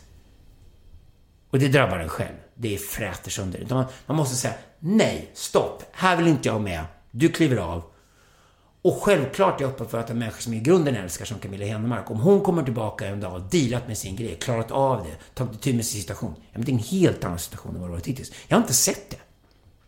Hon var till och med the biggest loser, the biggest loser. Och det är inget kul, tyvärr. Det är bara tragiskt. Du är ju i mina ögon en eh, fan, experttyckare, låter så jävla beige. Men du, du tycker mycket om saker och ting och, och uttalar mycket om andra saker. Men det är så sällan man hör någonting om liksom dig, ditt inre. Och då måste jag fråga så här. Gråter du? Ja, men nu kommer du in på privatlivet. Ja, okej. Mm. Det är det jag inte pratar om. Nej. Så att om du tycker att jag tycker mycket om saker så är det bara för att alla gånger jag säger det har jag ingen uppfattning om, och det är ganska ofta, Ja. klipps bort. Ja. Så det Inte som här, dyker- inte här. Okej, Ja. det som dyker upp blir då hela tiden det som jag har svarat på. Mm. Och då är det klart att jag ser ut som en sån här åsiktsmaskin eftersom det, mitt område är brett. Jag är ju journalist. Så det är många saker man kan applicera mina teorier på. Eh, Och då låter det som att jag tycker mycket om grejerna. Mm. Och det inre är tycker jag för första är väldigt överskattat. Jag är inte så intresserad av andra människor heller. De pratar om sina inre känsloliv. Det är lite kärring, jag ska helt ärlig. Sitter och pratar om sina känslor hela tiden. Så jag skulle aldrig orka se stjärnorna på slottet. Jag skulle inte stå ut liksom så här. Jag skulle förmodligen bara sitta och räkna hur många drinkar de har druckit och fulla de är. Det enda skulle som roa mig. Men jag tycker egentligen att hela, hela det pratet om såna känslor och sitta och gråta över känslor och såna minnen och grejer. Jag tycker det är Nej, det är skabbigt alltså. Det är rätt mycket kärring på servicehuset och hela grejen. Jag, jag är inte intresserad. Jag är intresserad av idéer. Och det är till och med så att folk ska lära känna mig så att jag kan vara så intresserad av idéer att jag inte ens pratar med människorna längre omkring utan jag pratar om, direkt om idén. Som om idén låg i luften mellan oss och som håller på att bygga en idé ihop. För min hjärna funkar så att det uppstår en idé mellan mig och andra människor och så, sen, sen tänker den på den här idén och vad som händer med den idén. Och det är så oerhört mycket intressant tycker jag om det inre känslolivet. För jag mediterar mycket och då, då lär man sig första man lär sig att men känslor kommer och går. Men inte så jävla viktigt. Ja, då kom den känslan. Jaha, var kom den ifrån? Jaha, okej, men okej, där försvann den. Okej. Så du vill inte svara på när du får ångest heller? Ja, ångest får jag inte. Vad ska man ha ångest för? Du har aldrig ångest? Aldrig? Vad är ångest? Beskriv för mig vad du menar med ordet ångest. Ångest, ehm, en känsla av... En ogreppbar känsla av liksom... Någon slags mörker och jobbigt, eh, lite, lite fång i sin egen kropp-känsla. Nej men såhär, obehaglig känsla bara, att något inte är som det ska kanske, typ. Kanske. Nej, alltså... det- det- Av stress kanske, eller vad som helst, jag vet inte. Nej, det kan Prestation, man- prestationsångest? Nej, nej, för fan prestationsångest är så jävla banalt. regel, regel nummer ett. Du är inte skyldig någon någonting. Nej. Du bad inte om att födas. Vill du gå och ta livet av det, gå och ta livet av det. Det är i alla fall att göra något. Så att hellre det än att bara ligga på en soffa och dö liksom, i sådana fall. Eh, gör vad du vill. Eh, Så länge det inte skadar andra får du göra vad fan du vill. I vårt samhälle får vi göra fan med nästan vad vi vill. Det vill säga, så länge du betalar hyran och sköter det och inte trampar på någon annan så kan du göra vad du vill. Så att, det är väl bara att hitta vad du vill göra och göra det och göra det utan skuldkänslor för du är inte skyldig någon någonting. Prestationsångest måste ju bygga på att du måste uppfylla någonting för att imponera på någon annan. Ja, men gör det av med hela behovet av att imponera då. Om det är så att jag tänker inte bry mig om att imponera. Ärligt talat, bry dig inte om vad någon tycker om det överhuvudtaget. Varken om de gillar eller ogillar det. För att om du bryr dig om att de ska gilla det hela tiden, då kommer du också vara jävligt störd om de inte gillar dig. Och då kommer du bara vara inställsam, och du kommer inte vara särskilt äkta och du kommer inte vara särskilt intressant. Det finns inget vidare än folk som går upp på en scen och vill bli omtyckta hela, hela tiden. Det är jättetråkigt. Det låter så enkelt när du säger allt, allt det här. Men det är en enkel regel att börja med. Om du ändå inte är skyldig någon någonting. Eh, du bad inte om att födas. Dina föräldrar skaffade dig förhoppningsvis för att de var egoister och ville ha barn. Av själviska skäl. Och gjorde de inte det var de klantiga och det är deras fel i alla fall. Du är inte skyldig att ge dem någonting egentligen. Utan du är bara skyldig att utveckla dig själv från barn till vuxen och försöka ta så mycket ansvar du pallar. För då får du också frihet tillbaka. Och sen får du göra vad du vill med ditt liv. Och spring inte omkring då i sådana fall och leta efter andra människors godkännande taget. Utan om jag sitter och skriver en bok är det inför mig själv och Jan som har skrivit det är inför mig min medfattare skriver boken. Det är bara han och jag som bryr oss om om boken är bra eller dålig, om vi är nöjda, gjort vårt bästa och tycker att men nu är boken klar, nu lämnar vi ifrån oss den boken, nu kan vi ge ut den. Om den sen får någon mottagare utom publik, det är väl kul. Då kanske de kan göra någonting av den där boken. Men jag bryr mig inte om vad de tycker om boken. Inte alls. Det, nej, det kan jag avgöra själv. Det är det första. När folk kommer till mig med någon låt de har skrivit och vill jag ska lyssna på den. Det är så här, om du inte ens själv kan avgöra om din låt är bra eller dålig, då är du definitivt obegåvad. Det första du måste klara av om du har musikalisk talang, det är att fan kunna avgöra själv om det låter bra eller dålig. Om du inte kan avgöra det, då har du definitivt ingen talang. Men du måste väl känna tvivel ibland? När känner du tvivel i livet? Nej, det jag känner är väl så här, om jag sitter och skriver en bok till exempel, som drivs av en viss idé. Då är det så att den idén har jag förmodligen fått för att det är en idé vars tid har kommit, Det är en idé som måste utvecklas. Och då är det klart att då tänker jag så här, det kanske är någon annan som tänker samma idé just nu och sitter och skriver en annan bok om, om den här idén. Och då skulle jag antingen kunna se den personen som rival och konkurrent. Och då måste jag vara konsekvent och säga att om den personen skriver en bättre bok, eller ger ut sin bok en vecka före min bok, då förtjänar den boken att vara hitten och inte min bok. För om det finns en bättre bok än den bok jag skriver nu, då ska folk läsa den boken, då ska jag rekommendera den boken. Det är nummer ett man måste fatta.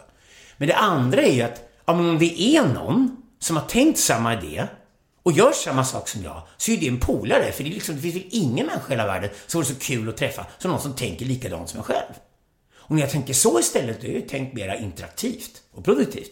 Och då blir det istället så här, ja men då ger jag ut båda böckerna. Och så rekommenderar folk att läsa båda två och göra en jämförande studie.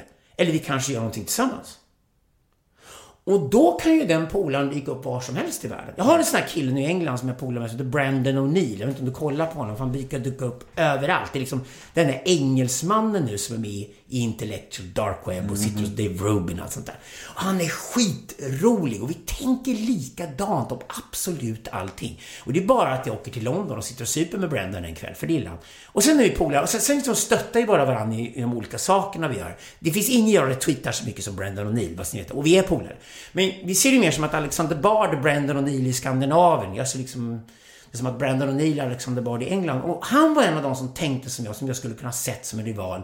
Men istället tog kontakt med oss och blev polare och ser bara att men vi behöver varandra. Vi ska självklart hänga ihop, vi ska ha skitkul vi ska jobba ihop, vi ska stötta varandra. Och då finns det inte rivaler. Och Det finns inget tvivel heller. Nej, och då är det idén som är intressant och idén förverkligas. Vi skriver böckerna, vi gör podcast, webcast, vi åker ut och föreläser. Vi tar debatten, vi för ut idén och den får testas ute i samhället och se om den får fäste och se om människor kan göra någonting av den. Och det är idén som är det centrala. Men det inte aldrig- mitt ego, inte mitt namn, inte hans namn heller, utan att idén kommer ut och att den testas är det spännande. Men så du är aldrig så här, jag vet inte, efter en intervju att du går iväg och tänker så här, fan sa jag det där? Alltså förstår du vad jag menar? Du kan aldrig känna så här lite så här, förstår du vad jag menar? Reflekterande efter att du ångrar saker. Du bara släpper allt direkt eller? Så här. Jag, jag kan få ångest över att jag avbryter av någon flam för ofta. ja, men Okej, ja. du fattar.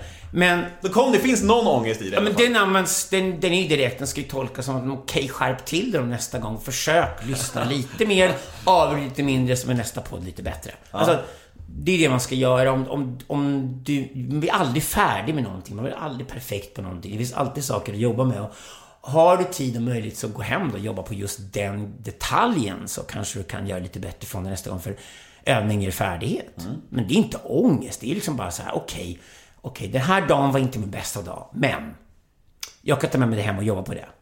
För grejen är, när du har din bästa dag och går upp på scenen och allt sitter som en smäck och allt bara funkar och flyger. Det är inte den dagen du lär dig någonting. Den dagen får du bara självförtroendet och vet att du kan få flow. Och du vet att du klarar av att leverera. Och det ögonblicket kan hända när allting är rätt. Men det kan du inte räkna med att det händer särskilt ofta. Vilken egenskap hos dig själv föraktar du mest? Har du någon grej som du kan känna så här, fan vad jag är trött på att jag håller på sådär ibland? ibland? Alla människor har ett överjag. Överjaget är den där lilla figuren man har i huvudet som ständigt piskar och som aldrig är nöjd. Du är aldrig tillräckligt bra på någonting. Alltså, överjaget är där jämt, vad man än gör. Så här, så här, du kunde gjort det här bättre. Eller, vad fan låg du så på den här soffan för du kunde gå till gymmet? Liksom, så, eller vad fan det är för någonting. Överjaget hittar alltid på en anledning att bråka. Men det är bra att ha en sån också. Det måste man ha. Men jag är ju psykoanalytiker. Och i psykoanalys jobbar du med att plocka fram överjaget, förklara för människor vilken funktion det har. Och det vanliga i psykoanalys, att människor hamnar ju där för att deras överjag är för starkt. Och ett överjag som är för starkt blir bara en plåga. Och det paralyserar dig. För du tappar självförtroende varje gång du inte gör som överjaget vill. Så du måste krympa överjaget och få en annan röst, ett underjag kan du kalla det, som slår tillbaka mot överjaget. För det är en förhandling du ska ha med det här överjaget. Eh, Jordan Peterson pratar alltid om negotiation. Han säger att du ska förhandla med dig själv om alla saker du gör. Och det är exakt det han menar. Alltså att det vanliga jaget måste få chansen att försvara sig mot överjagets angrepp. In i domstolen. Och där måste även jaget få tala och jaget få säga att nej, jag har inte lust med det eller jag orkar inte med det idag eller den, inte den här dagen, någon annan dag kanske jag pallar med eller vad fan jaget säger. Jagets ursäkter måste fram och de måste också värderas högt. Så att du får vara människa. Eh, och då och då jobba hårt och då och då lyckas med det du gör. Men däremellan får du vara jäkla slapp du vill. Eller du vet, hålla på med vad du vill eller något sånt där. Eller bara ligga och sova om du så vill göra också. Och jag kan säga så här. När jag går in i mentorskap med en 25-åring som vill ha hjälp med att ta sig fram i livet, då är det ofta en jäkligt framåt 25-åring. Och det första de får lära sig hos mig, det blir slackers. Lägg dig bara på en säng och stirra rakt upp i taket en hel dag och de är chockade. Det är så jävla svårt för dem. Och då säger jag så här, om du inte kan vara slack en dag, då kommer du aldrig lära dig meditera. Då kommer du aldrig få paus. Du kommer aldrig kliva åt sidan. Du kommer aldrig ta ut din ledighet. Och då kommer du bli usel på det du gör. Du får aldrig energi från någonstans överhuvudtaget. Och desto mer som du lägger dig på sängen och tränar att vara slack, inte göra någonting i två veckor, stirra rakt upp i taket och lär dig göra det, då kan du kanske fatta de människor som ligger låsta i den positionen åt helvete och inte lyckas ta sig upp. Mm. Du fattar hur deprimerade människor funkar. För det kommer du träffa många i livet. Som inte har någon lust med någonting och kämpar med det. Så då har du fattat det också. Och sen kommer självklart din lust att göra saker bara bli ännu starkare. När du har lärt dig göra det, när du har lärt dig koppla av. För att då börjar du se klart vad du ska göra. Lägger inte din tid på fel saker och springer från det ena till det andra. Utan, äh, det där kan jag skita det där kan jag skita det där kan jag skita men det där ska jag göra. Och det är jag rätt person att göra och det ska jag lägga ner själ och hjärta i. Och då börjar du göra rätt saker. Mm. Och sen går det över till, du ska inte stanna och vara slacker, det ska du helst slippa självklart. Men det ett bra sätt att hantera det att lära sig meditera. För att meditation är ju egentligen ett tillstånd där man gör ingenting faktiskt. Men du låter alla dina tankar och känslor bara passera och i ditt undermedvetna börjar det fästa vad som egentligen är viktigt för dig och det som är oviktigt för dig faller bort. Det fastnar inte. Och så ser du glasklart vad du ska prioritera. Mm. Berätta om din värsta drogupplevelse någonsin. Har du någon gång fått en riktigt jobbig snedtändning där det verkligen varit helvete? Ja, det har jag. Medvetet också. Är det sant? Mm. Jag jobbat med shamaner i Peru och Colombia i många år och åkt dit på vintern och sånt där. Och det här pratar jag om för att det är lagligt. Då kan vi prata om det i podcasten. Mm. Det är ayahuasca vi pratar om till exempel, så är det lagligt. Så jag följer ju lagen. Mm, såklart du gör. Mm. Bryter mot svensk lag så är jag ett land där det jag får göra tillåtet. Okej, okay. jag följer. Okay. Men, men om du tar en sån grej som du ska bli ayahuasca och jag faciliterar under sådana ceremonier. Och om du ska bli en ayahuasca då måste du vara med om allt. Du måste känna igen upplevelsen hos människor när de har den. Så du måste försätta dig i alla de härligaste och de tuffaste tillstånd som finns. Eh, och då kan du mycket väl generera ett sånt tillstånd. Så poängen med att gå igenom, säg, sju timmars helvete i djungeln mitt i natten, är ju att du ska bli ödmjuk. Och kanske till och med en dag orka gå in på en psykiatrisk mottagning och möta en människa som lider av en allvarlig psykisk sjukdom och fatta vilket jävla helvete som pågår i deras huvud. Så du har empati. Det är empatiträning det handlar om. Och det betyder att om du har tuffa upplevelser ska du omgående ställa om dem till att nu har jag lärt mig det här. Det finns ingen anledning att göra om det. Om du varit på ett jävligt jobbigt ställe så det är ingen anledning att gå tillbaka dit igen. Men om du har varit där och memorerat det så har du lärt dig massor. Och när du fattat det här då kan du också söka de extatiska upplevelserna. De här upplevelserna av att hela världen förenas, liksom, natur och människa blir ett och se hur alla människor är sambundna med varandra och sen ha kärlek inför mänskligheten fast den inte förtjänar det. Men alltså, allt det du också vill uppleva som, som kallas det extatiska, du är inte beredd att ta emot det förrän du var beredd att göra den andra grejen också. För att du måste se hela spektrat av vad det innebär att vara människa. Du måste se hela relationen människa till människa, hela relationen människa till natur och omvärld.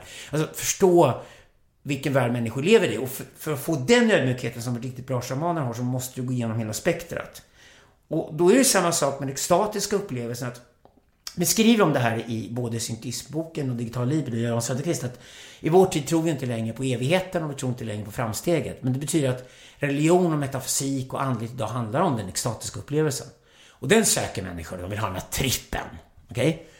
Det är omoget och barnsligt. Det, det är liksom... Du måste söka en större förståelse av vad det innebär att vara människa. Och om du är beredd att göra det, då kommer shamanen öppna dörrarna för dig. Och där finns den extatiska upplevelsen. Det är samma sak med den. Du ska bara vara där en gång egentligen. Memorera upplevelsen. Och sen är det minnet av upplevelsen bär dig genom livet. Och de människor du har delat en upplevelse med kommer dina starkaste, bästa vänner du någonsin haft. Mm. Och det är det extasen är till för, rent andligt. Så att du måste både gå ner i liksom helvetet och, och extasen. Det här kallas ju event. Alltså du måste gå igenom en tillfällig händelse som är så stark att du vill inte vara kvar där. Och det, så är det med extaser också. Att en extas är också stark att du ska aldrig vilja stanna där. Det är också därför du vill spruta några sex. Liksom. Du kan inte stanna där Du måste mm. därifrån. Och då upplever du att här vill jag inte vara kvar, men jag vill vara här så länge jag pallar. Och sen vill jag memorera den upplevelsen och ta den med mig i livet. Och då har du upplevt ett känslospektrum som vanliga svenskar idag inte i närheten av. Du har upplevt det mest extatiska och det mest fasansfulla som går att uppleva.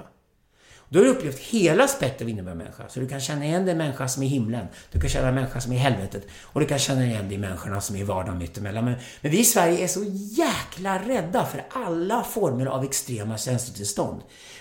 Vi pratar om åsiktskorridoren i Sverige, så är känslokorridoren ännu värre. För du ska ju samma känsla jämt och du ska ta piller så du har samma känsla jämt och du är jätterädd för allting som avviker från den lilla känslan och ska det där bara puttra på och vara liksom allmänt sådär lite okej okay glad. Men ingenting får hända däremellan. Och allting som kommer utanför det, till och med en vanlig lördagsfylla ska du känna skuld över. Det här är ju, det här är ju helt sjukt. Det är helt sjukt. Jag har aldrig förstått den svenska rädslan för känslor. Jag tycker den är jätteläskig. Man lever ju ett krympt liv. Och jag kan ju fatta liksom idag att uttråkade karriärmänniskor som går terapi i 45-50-årsåldern och äntligen tar sig iväg till Peru och åker till djungeln och dricker ayahuasca tycker det är mest häpnadsväckande varit med om hela sitt liv. Och du har äntligen känt något. Bästa fall har du kanske blivit förälder och fött barn, för du har varit med om. Och då känner man ju sådana saker. Det är en extatisk upplevelse, förhoppningsvis för de flesta människor. Mm. Och det brukar jag peka på, så, men den upplevelsen tillåter vi andra liksom. Det här att ett barn, för du är en produkt. En tydlig, positiv, grej som händer. Ett barn har kommit mm. till livet. Så, okay, så kan vi acceptera den extasen. Men det är så här, men varför skulle du inte kunna acceptera andra extaser? För att extas får en produktiv användning. Det är väl givet. Om du, om du har fått uppleva en fantastisk upplevelse, du kommer ju gå därifrån stärkt med ett starkt självförtroende och vilja göra mer så, saker i världen. Och du kommer heller inte komma undan med din skit efter att du har haft en sån upplevelse. Det är jättesvårt att liksom vara upp i en himmelsk upplevelse och sen gå tillbaka och njuta av sin sörja och sitt självhat. Mm. Det är ju det, är det du ska ta dig ur. Så jag ser det här stora andra spektrat som viktigt. Jag håller med Jordan Peterson, för han håller också på med psykedelika och sådana saker. Att ett större känslospektrum än moderna människor behöver mest av allting. Det finns faror med det. Det finns Psykiskt instabila människor ska inte utsättas för extremtillstånd, men det är de människorna, de flesta vanliga människor, behöver egentligen det här. Och, och bland det minst farliga du kan hålla på med så är det i sådana fall starka psykedeliska upplevelser. För det, det finns ju ingen missbruk involverat i det. Det är ju inte som att gå och sörpla kokain eller dricka sprit. För det kan du bli beroende av när som helst. En psykedelisk upplevelse är ju ingenting man blir beroende av. Det är en upplevelse du gör en gång. Och de flesta människor som är med om tycker att men, har haft den upplevelsen. Bra, det räcker. Mm. mm. Jag har ett segment i min podcast som heter ett ord om. Det går ut på att jag ser fem stycken svenska kändisar som brukar skapa reaktioner. Fan, du borde, vara, du borde ju vara en av de här har jag tänkt. Ja, jag får byta namn snart, då får du slänga in Jag är jätteglad att inte vara det. ja, för det här är med i varje podd. Det har, okay. det har blivit många åsikter om det då alltså. Okay. Eh, det är fem stycken namn som brukar skapa reaktioner och du får säga ett ord om varje. Okej. Okay. Är du med? Mm. Ett ord om Alex Schulman. Polare. Marcus Birro. Det var allt alltså? Jag vill säga ett ord? Mm. Okej. Okay. Ja. Alltså Marcus Birro är ett charmtroll. Jag tycker skitmycket om honom. Han är så jävla fin. Han är så jävla gullig. Mm. Vi har stöttat varandra länge. Han kämpar på med sin grej. Han är skitgullig. Charmtroll, bra. Sara Larsson. Bitch. Men jag gillar bitchar. Alltså jag tycker hon är toppen. Och när hon och jag bråkade på Twitter och alla var så oroliga för det där och sa Ja, du och Sara Larsson flyger på varandra på Twitter och är inte det hemskt? Nej, varför det? Hon fick 50 000 nya följare. Jag fick 50 000 nya följare. Alla ni andra är losers. det är hon är skittuff, hon är toppen, hon är grym, hon är fräck och jag har stoppat henne för att göra dumma saker ibland. För hon var ju lite brådmogen och sprang iväg och gjorde grejer innan hon var 18, som hon inte borde göra. Men jag tycker Sara Larsson är toppen. Men, men hon om någon borde väl lära sig respektera kanske lite äldre kvinnors visdom ibland också. Inte tro att de kan allting, för de fattar inte allting. Det gör inte. Hon är trots allt en dansande popstjärna liksom. Så här, det är. Men eh, bitch och det är en... Eh, Alexander Bard kallar en kille för bastard, eller kallar en tjej för bitch. Så det betyder att det är en, en meningsmotståndare som har förtjänat att stå mot mig i ringen. Det är ett erkännande. Jimmy Åkesson. Dressman pappa. Leif GW Persson. Parksoffegubbe. Du trycker in tre ord i ett där. Ja, det är ett ord. Men svar. jag gillar ju A-lagare, så jag gillar liksom gubbparksoffa. Jag tycker att de säger brutala sanningar och skriker rakt ut. Men det, är- det var ju Camilla Henemarks bästa talang också. Hon var full. Hon kunde ju fan skrika rakt ut till folk vad som hände. Så det behöver inte vara helt... Bara man slipper leva med dem. Men ett bra namn tycker jag på Leif G Persson. Mm. Tycker du gjorde ett bra jobb i ett ord om. Eh, avslutningsvis så ska vi damma av lite lyssnarmail. Eh, vi har några stycken. Du, är, alltså, du, du fick nog rekordmycket kommentarer och frågor. Folk är så jävla nyfikna på dig. Eh, det är ju kul. Det är jättekul. Ja, Ja. tack för det. Mm. Veckans mail 1. Hej Alexander! Har du någon gång funderat på att vara med i Så Mycket Bättre eller Stjärnorna på Slottet? Har du fått frågan och varför inte i sådana fall? Även sexarbetare har sina gränser. Lär er det. Okej. Det finns en. Här är grejer jag gärna gör, även om jag inte ens får betalt. Här är grejer jag gör och gillar, men jag vill ha betalt. Här är grejer jag egentligen inte vill göra, men jag kan tänka mig att göra dem för pengar. Och här är grejer jag absolut, under inga omständigheter i världen, inte ens med alla pengar i världen vill göra. Och det är liksom där horan sätter sin gräns. Där ställer jag inte upp alls. Och där ingår nog de här programmen. Det är bara så ett enda stort What's in it for me? Vad fan ska jag göra där? Tydligt. Nästa mail. Hej Alexander! Kan du sakna egna barn? Är det något du tänker på? Det är... Nej, så här blir det att om du inte skaffar egna barn så blir du onkel och mentor och massa andra grejer. Det parentala som det heter, det är att den äldre generationen ger någonting vidare till den yngre generationen. Det, det får alla vara med om. Och eh, jag har ju också en kvinna i mitt liv som, som jag haft i många år. Och, och hon och jag båda den här att vi valde att ta barn att då blir vi istället mentorer när vi blir lite äldre. Och det är jättespännande. Så att jag, jag, jag blir förälder i alla fall. För det första så är jag liksom gudfar till mina bästa polares ungar. Så att jag är självklart med liksom hela processen. och Ser ungar växa upp och tycker det är jättekul och spännande. Men jag är inte den som skulle egna barn. Nej, min livsstil tillåter inte det alls. Det var aldrig ens någon fundering i mitt fall. Det var bara en given grej att jag skulle inte ha egna ungar. Men ska den här verkligen, de här generna gå till spillo? Är det verkligen... Du... Det där är ju löjlig fåfänga. Kom igen. Så, så. För det första. Det var smör- det var smörande. Ja, om du är var- sån kille som bara vill att den här genen ska föras vidare. Två saker. Tre generationer senare bara en 48 del av dig kvar. Okej? Eh, för det andra kan vi lika gärna ha syskon och barn i sådana fall. Det är samma gener. Okej? Det. Och för det tredje. Om man är kille så kan man donera sperma till ett lesbiskt par. Mm. Okej? Så att det är ju inte... Om det är så fåfängt, när genen skulle vidare, om det det handlar om. Nej, det gör det inte man skaffar barn. Man skaffar barn för att... Egentligen för att man kanske har lite tråkigt i livet och behöver få någonting att pyssla med och ha en unge vore jävligt kul. Liksom, så så att det, det, är, det är att ge vidare någonting det handlar om att ha barn. Och det gör det även för de som inte har barn men tar hand om andras ungar. Och det vill säga också att om det skulle hänt något av mina syskon eller någon av mina polare någonting och jag är gudfar till en unge så kan jag mycket väl flytta upp och leva med en unge som jag i sådana fall kliver in i och liksom blir den här reservföräldern. Det, det, det, självklart skulle jag något som skulle hända. Det måste man vara beredd att göra. Men jag har fått välja min livsstil och eh, det jag gör är mina ungar och mitt mentorskap är skitviktigt för mig. Så att jag har hittat min föräldraroll på ett annat sätt. Bra. Eh, Och så kan jag säga en sak till då. ja, kör. Om du mentor får du handplocka ungarna. Du slipper du chansa.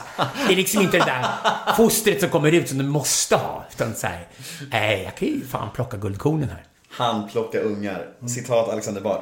Eh, nästa mail, nummer tre. Eh, största skillnaden mellan att jobba i Idol och Talang?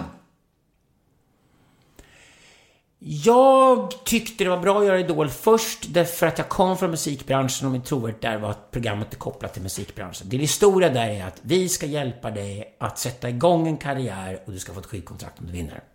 Det är Idols story. Eh, så det var bra träning. Jag hade inte kunnat göra programmen i omvänd ordning. För Talang är sen ett mycket bredare familjeunderhållningsprogram. Det är, liksom, det, det är ett större program på det sättet. Eh, och där kan man ha vilken talang som helst. Men grejen är att talangjuryn tar vi inte oss själva på allvar. Det är liksom ett stort skämt alltihopa. Det är, som, det är en ironisk, en ironisk jury-TV. Så att jag kunde göra Idol först. Kände att jag var klar med det.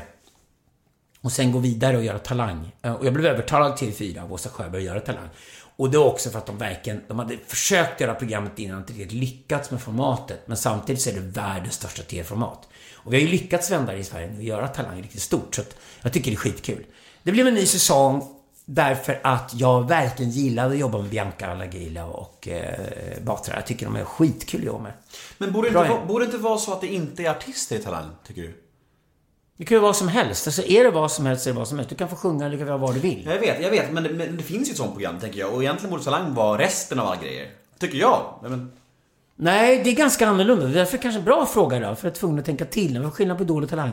Idol är en resa från det här mötet med juryn i det instängda rummet. Hela vägen fram till den stora arenan. Eh, och du ska utvecklas under den resan. Det är inte talang. Talang går du in och det du gör där är din talang. Det här är dina 15 minuter i rampljuset. Och det gör du där och sen gör du det kanske en gång till och sen kanske kommer till finalen. Men det är max tre framträdanden du gör under en säsong. Och du gör egentligen olika varianter av samma grej. Så det är inte den här resan som Idol har. Det är ju det spännande med Idol-formatet. I Talang är det att någon kommer in och gör någonting jävligt bisarrt. Man blir berörd. Och när man är riktigt berörd så vinner du tävlingen. och vilket program eh, är bäst cash? Haha! ja, det funkar inte riktigt så. Det är... Det är inte så att du får en klumpsumma för att sitta i säsong i programmet. utan Det handlar väldigt mycket om en förhandling om hur mycket arbete innebär det här. Det du gör i TV-rutan är trots allt bara en liten del av jobbet. Så du sätter egentligen förhandling, produktionsbolaget, TV-bolaget och sen bestämmer du hur mycket du gör i det programmet. Och så sätter du ett värde på det. Mm. Så att det, är- det är annorlunda. Det är en helt, helt olika förhandlingar att förhandla om Idol, Talang och Dikage. Nästa mejl. Hej Alexander! Vilken är den största skillnaden mellan offentliga Alexander Bard och privatpersonen? Ja, ni ser ju bara den extroverta Alexander Bard ni ser honom offentligt eftersom han är extrovert när man kliver ut i det offentliga ljuset. Jag är egentligen en väldigt introvert person. Men den kan ni räkna ut. Det är ju den person som sitter och skriver de här stora tjocka böckerna och lägger ner en sån jävla tid på att tänka och vara filosof. Det är ett jättearbete. Alltså jag slukar böcker. Eh, jag slukar forskningsrapporter. Numera använder man YouTube också. Speciellt om det är marginella grejer jag ska lära mig. Så att man lär sig, lär sig, lär sig saker hela tiden för att ha ett material att tänka från. Och det tar massor med tid allt där. Så det är mycket forskningsarbete och sånt där. När jag pratar om till exempel att jag åkte till Nya Guinea, det ser du aldrig offentligt. Jag tar inte med mig någon kamera dit och gör något tv-program om det. utan Jag åker dit och forskar. Så att det är en stor del av mitt liv att göra de sakerna. Och det är eh, det man inte ser. Så den introverta sidan av mig, ska jag säga, den ser du inte. Alexander, har du någon gång blivit utsatt för direkt hot som har gjort dig rädd på riktigt? Alltså du, jag tänker att du måste fått utstå en del genom åren. Var det någon situation där du verkligen varit rädd på riktigt? Nej, men jag skulle inte ens vara rädd om någon stod med en kniv framför mig, tror jag. Skönt. Ja, i det läget... Lite dumt. Nej, men i det läget så är det så att då skulle jag koppla på det här som, hur tar jag mig ur det här? Överlevnadsinstinkt. Ja, den är stark hos mig. Så att jag är en sån där som... Jag är den där som går raka vägen till telefonen, ringer alarm och skäller på dem och skickar en helikopter när någon liksom har skadat sig. Det, det. Jag är omgående programmerad att reagera skademinimerande i de här situationerna. Och om inte annat blir det om du är shaman. Då måste det vara så. Så att, ehm, det är inte... Rädsla är nog inte min grej på det sättet. Nej, nej snarare så att om jag blir arg på liksom, om jag blir stoppad eller folk är dumma i huvudet liksom. Jag blir arg på dumheten i det hela. Jag blir arg på... Jag blir arg på att folk ljuger och förtalar. Och det är ju jävligt tröttsamt när folk håller på och sprider massa lögner om en så här. Men, men det gör de ju inte. Mitt särartsfeminister håller på med sånt hela tiden. De snackar ju bara skit. Men det kan, vara, det kan vara tröttsamt, men det, samtidigt så är den starkare. För jag, jag låter ju ingen någonsin vinna på att de håller på och förtalar mig och ljuger. Utan tvärtom, jag är bara gömma ännu argare. Men jag är ju inte arg på ondska, jag är arg på dumhet. Folk är dumma i huvudet och ändå tar sig för att fatta beslut eller liksom håller på att skapa motstånd mot grejer. Bara för att de är dumma och rädda. Och de är rädda för att de är dumma. Ehm, det är tråkigt. Kan du berätta om något riktigt sjukt som har hänt under Talang eller Idol som ni var tvungna att klippa bort? Vad är det galnaste som har hänt under de här åren? Om det är något galet som har hänt så har det garanterat stannat i tv-programmet, för man klipper inte bort det. Det är... Ja, i Talang var det den australiensaren som kom in och målade en med sin penis. Bästa TV någonsin. Kommer inte det med? Ja, det kom med, men då satte de en blurp på kuken så att man fick aldrig se kuken i TV. Det fick du göra. Men det fick alla göra i studion. Ja, hela publiken fick se honom naken måla med sin penis. Det, det var väldigt befriande, kul, knasigt och eh, det var kanske det galnaste jag sett. Bra. Ehm, han är väldigt vass i sina politiska åsikter och struntar totalt i om de är PK. Varför har han aldrig gett sig in själv i politiken på allvar? Nej, jag tror jag är helt fel person att bli politiker. Det är ett jävla tålamodskrävande jobb. Jag är kompis med många politiker och kan rådge åt dem och sånt där. Utifrån vad jag är bra på. Det, det jag jobbar med är vision, strategi, långsiktighet. Jag jobbar med Annie Lööf till exempel. Eh, Jag tycker Ulf Kristersson är grym. Det är skitbra. Det finns tyvärr ingen på vänster jag gillar, även om jag har jobbat mycket med vänstermänniskor också. Jag har varit lärare för SSU och Arenaakademin och allting. Jag lär ju ut Karl Marx till vänster. För de har ju glömt bort honom. Men jag är... Eh, jag kan jobba över hela fältet. Jag gillar att vara både i vänster och högern politiskt. Eh, men jag är ju en sån här loose cannon i politiken. Alltså att för oberäknelig, för snabb att säga sanningen, för galen. För att liksom sitta på en politiker. För då måste du spela med ett visst spel. Du måste tänka långsiktigt, du måste vara pragmatisk, du måste förhandla. Och du försöker liksom maximera att din uppfattning får komma fram. Men du måste också gå med på motståndarsidans krav. För det är mycket förhandlingsgrejer. Förhandlingsgrejen är inte min grej. Jag har inte, det tålamodet att sitta och läsa alla jävla lunter som det ska röstas om i riksdagen och sånt där. Så jag har stor respekt för politiker. Jag tycker de får alldeles för mycket skit för att de är politiker. De ska få skit för sina åsikter och inte för att de själva är politiker. Herregud, du tjänar inte speciellt mycket pengar om du är politiker. Det är ett lågbetalt jobb idag. Så att jag jobbar gärna med dem, umgås gärna med dem. Och då är det så här också att även om jag är en loose cannon och kan slänga ur mig grejer, vilket jag gärna gör, så är jag inget hot mot politikerna, för jag kandiderar aldrig. De är ju varandras rivaler. Jag sysslar inte med det de gör. Och det vet alla om. Så att åka till Almedal någonting, då får jag ofta en väldigt stor arena och får bry ut mig och säga vad jag tycker. Därför att jag hotar inga politiker. Jag, jag jobbar gärna med dem. Men jag jobbar ju med dem för att förbättra deras idéer, lyfta blicken, vara mer visionsdriven, ha en berättelse att komma med också. Varför en viss idé är bra. Ehm, det är det jag är intresserad av politiken. Mm. Tycker han är väldigt intressant i sina resonemang. Jag är nyfiken på hur han själv känner inför hur rätt han och hans kollega haft i sina framtidstankar om internet, om sociala medier exempelvis. Tycker det Tycker han det är lätt att få hybris eh, kring allt allvetande när han lyckas eh, ha rätt om så många sto- stora saker? Nej, för hybris får man inte om man vet att man har fått rätt och vet varför man har fått rätt. Jan Söderqvist är jäkligt rolig. Han har blivit så här att vi är lika gamla, i 57 båda två. Han sitter i sin villa nere i Toscana, Italien liksom och, och njuter av vinglasen och så sitter Jan och säger så här. Ja, från och med nu så kommer hela vår karriär vara ett enda stort I told you so. Härligt. Ja, det är det så. Det, det, och det, det värsta är att de böckerna jag skriver nu, den här Digital Libro, som är en mörk bok på många sätt, den kommer ju vara ännu mer rätt än de böckerna som Netokraterna för 20 år sedan prickade allting. Och grejen varför vi prickar rätt, att för att vi tar ett riktigt stort perspektiv. Vi kliver långt bakåt, ser en större bild, ser fler rörelser över större tid än vad andra människor gör. Och gör man det, då stirrar man sig inte blind på det dagsaktuella. För den som bara stirrar sig blind på det dagsaktuella och reagerar på det kommer aldrig ha den större bilden. Då kommer den säga fel hela tiden. För det första kommer du gå på varenda hype som kommer. Det ska du absolut inte göra. Tvärtom, när någon hypar någonting, var skeptisk. Nästan alla hyper floppar. Det är nummer ett. Okej, det kan finnas någonting i hypen som är genuint nytt och intressant och som så småningom kommer slå igenom stort. Ja, men försök att hitta det då i sådana fall. Det som driver hypen så att säga. Men rensa också hypen på allt det som bara är liksom att någon vill fram och någon vill tro på det nya och sväljer allt med hull och hår. Och det vanligaste felet folk gör är att de tänker ja men här kommer en teknologi och så kommer den teknologin att hända. Och den händer ju inte förrän du har förstått hur den ska interagera med människor. Så om du bara kan massor om teknologi och inte kan någonting om människor, då kan du aldrig göra en framtidsförutsägelse och träffa rätt. Det går inte. Du måste veta massor om människor, du måste kunna historia, psykologi, sociologi, läst filosofi, idéhistoria. Du måste kunna de här sakerna och helst vara spränglärd. Och sen kan du lära dig om teknologisk förändring, vad som händer och varför det händer. Och sen försöka få ihop de här två sakerna. Och då kommer du märka, det där är det som kommer hända och verkligen förändra världen. Det där däremot, det kan du skita i. Så att, och då plockar du ut de grejerna som är de riktigt intressanta. Som förändrar människans närvärld. Som förändrar den värld vi befinner oss i. Vi människor förändras ju inte alls. All förändring är egentligen extern. Och så reagerar vi på den externa förändringen. Eh, och när du ser det, då kan du bli futurolog som det. Då kan du bara förutsäga vart saker är på väg. Och sen ska du inte uttala om det som du inte kan säga något om. Så när folk frågar mig om datum, när kommer det här hända? Men det kan inte jag svara på. Det är så många saker som ska samverka. Det räcker med att en av de grejerna inte finns, så kommer det fortfarande inte hända. Men om alla de här sakerna kommer hända förr eller senare och kommer samverka, då kommer även den här grejen hända. Är du miljonär?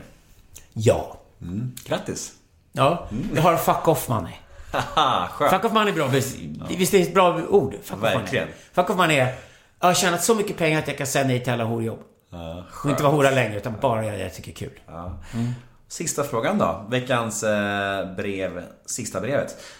Och det här tror jag är ganska internt. Det vore kul om du svarade på det. Eh, vad hände med Lola Gorgonzola och Juicy Lucy? Ja, de två underbara figurerna, jag älskar dem. De var ju föregångare till Camilla Hedemark och de var ju verkligen råa på riktigt. Eh, jag hade mitt första band i början på 80-talet innan jag flyttade till Amsterdam som hette Bard. Eller Bart. Det var holländska familjenamnet. Alltså skägg på holländska. B-A-A-R-D. Mm. Mitt första band det var ett syntpunkband som jag själv sjöng i. Och jag fick faktiskt skivkontrakt utomlands med ett stort bolag med bandet. Men skivproducenten gick och dog i en kokainöverdos. Så att plattan blev aldrig av. Sen åkte jag hem till Sverige och signade med Ola Håkansson istället. Det kändes mer stabilt. Men det var en tysk producent som skulle producera plattan. Och, och jag hade redan blivit upptäckt och på gång ut i Europa med den grejen. För den var jävligt kul och fräck liksom. Det var helt eget. Ehm, um, syntpunk och bara Det blev en singel som blivit kult. Den har pressats om massor med gånger. Det finns en egen kult i Tyskland bara runt den singeln. Um, men tjejerna var med och dansade och stod och svansade bakom mig. Eh, och sen när bandet inte fanns längre så fortsatte de med egna karriärer. Och eftersom de hette Lola Gorgonzola och Juicy Lucy och det självklart inte var deras passnamn. Så jag kan tänka mig att de är liksom morsor och ungar någonstans idag och tycker det är rätt skönt att de inte syns offentligt. Eh, så att jag lämnar det till dem att komma ut igen om de vill göra en comeback någon gång. Men det är inte det bandet jag skulle göra comeback med idag. Vilket är det bandet då? Nej, jag har gjort det med Marvel Lovers. Vi, gjorde, vi gjorde en comeback för några år sedan och vi åker fortfarande omkring i Europa. Men eftersom vi inte gör något nytt material så gör vi inte stora synliga grejer längre. Vi har gjort de här stora TV-showerna i hela världen. Så att vi brukar säga då att om Marvel Lovers jobbar idag så är det för att någon uttråkad oligark gifter sig i Dubai och behöver underhållning. Vi tycker sånt är kul. Ja, det är bra fakturor också. Mm. du, ehm, ja vi börjar bli klara. Eh, hoppas det... Hur känns det förresten? Är du, är, är det okej? Ja, absolut. Ja, jag tycker det är skitkul. Jag ville göra det här. Jag göra länge. Ja, jättemysigt. Och nu, och nu... Klart och tydligt. Det Verkligen. Ja. Och, och framöver nu då? Vad ska man hålla ögonen öppna här för? Böcker, TV-shower, det är mycket nu. Så här är det. Jag älskar podcast. Jag tycker det är skitkul. Det passar mig jättebra, min personlighet. Jag älskar samtalet. Jag, jag älskar att man kan få byta åsikt mitt i allt. Det blir, det blir levande. Det blir samtal med podcast. Det blir inte debatt. Eh, och därför försöker jag göra podcast. Den enda egna jag gör, det är ju den på engelska Maron Flam. The Iron and the Jew. Vi har en egen på engelska för att vi liksom... Och vi har gjort den viral nu och det är skitkul. Vi kommer göra en ny säsong i vår och spela in en ny omgång där. Men annars är jag hellre gäst hos andra. Jag tycker det är samtal för då får jag ständigt gå in i nya konversationer. Och det tycker jag är kul. Men jag säger så här. Om du är intresserad av vår filosofi så är det så här. Om du ska fatta allt och gå till botten där vi befinner oss liksom och se hela bilden. Måste du läsa böckerna. Eller lyssna på böckerna. Du måste gå in i böckerna. De är skrivna för där har jag och Jan Söderqvist tömt ut allting. Då ska du skaffa digital libido och läsa den. Och det är inte så svårt som man kan tro. För att är det så att man börjar fastna på saker alltihopa, det är förmodligen man har hoppat fram för fort. Om det är ett ord du faktiskt inte fattar, kolla på Wikipedia. Slå upp ordet bara. Så, så, så, du lär du dig ordet sen dessutom, så blir du smartare. Så att, gå vidare med orden och lär dig alltihop. Och så märker du ett tag att det här är skrivet så tillgängligt som möjligt. Utan att man kompromissar om innehållet. Så du får med allting. Du kommer bli en klok människa av att läsa filosofi. Det är så. Du kommer fatta hur människor fungerar. Du kommer fatta hur samhället fungerar. Du kommer fatta varför grejer omkring det som varit mystiska förut inte alls är mystiska längre. Utan tvärtom blir väldigt begripliga. Du kommer fatta att en jävla massa människor är ute och tröskar och har fel. Du kommer också fatta att en hel del människor är rätt ute och borde lyssnas på.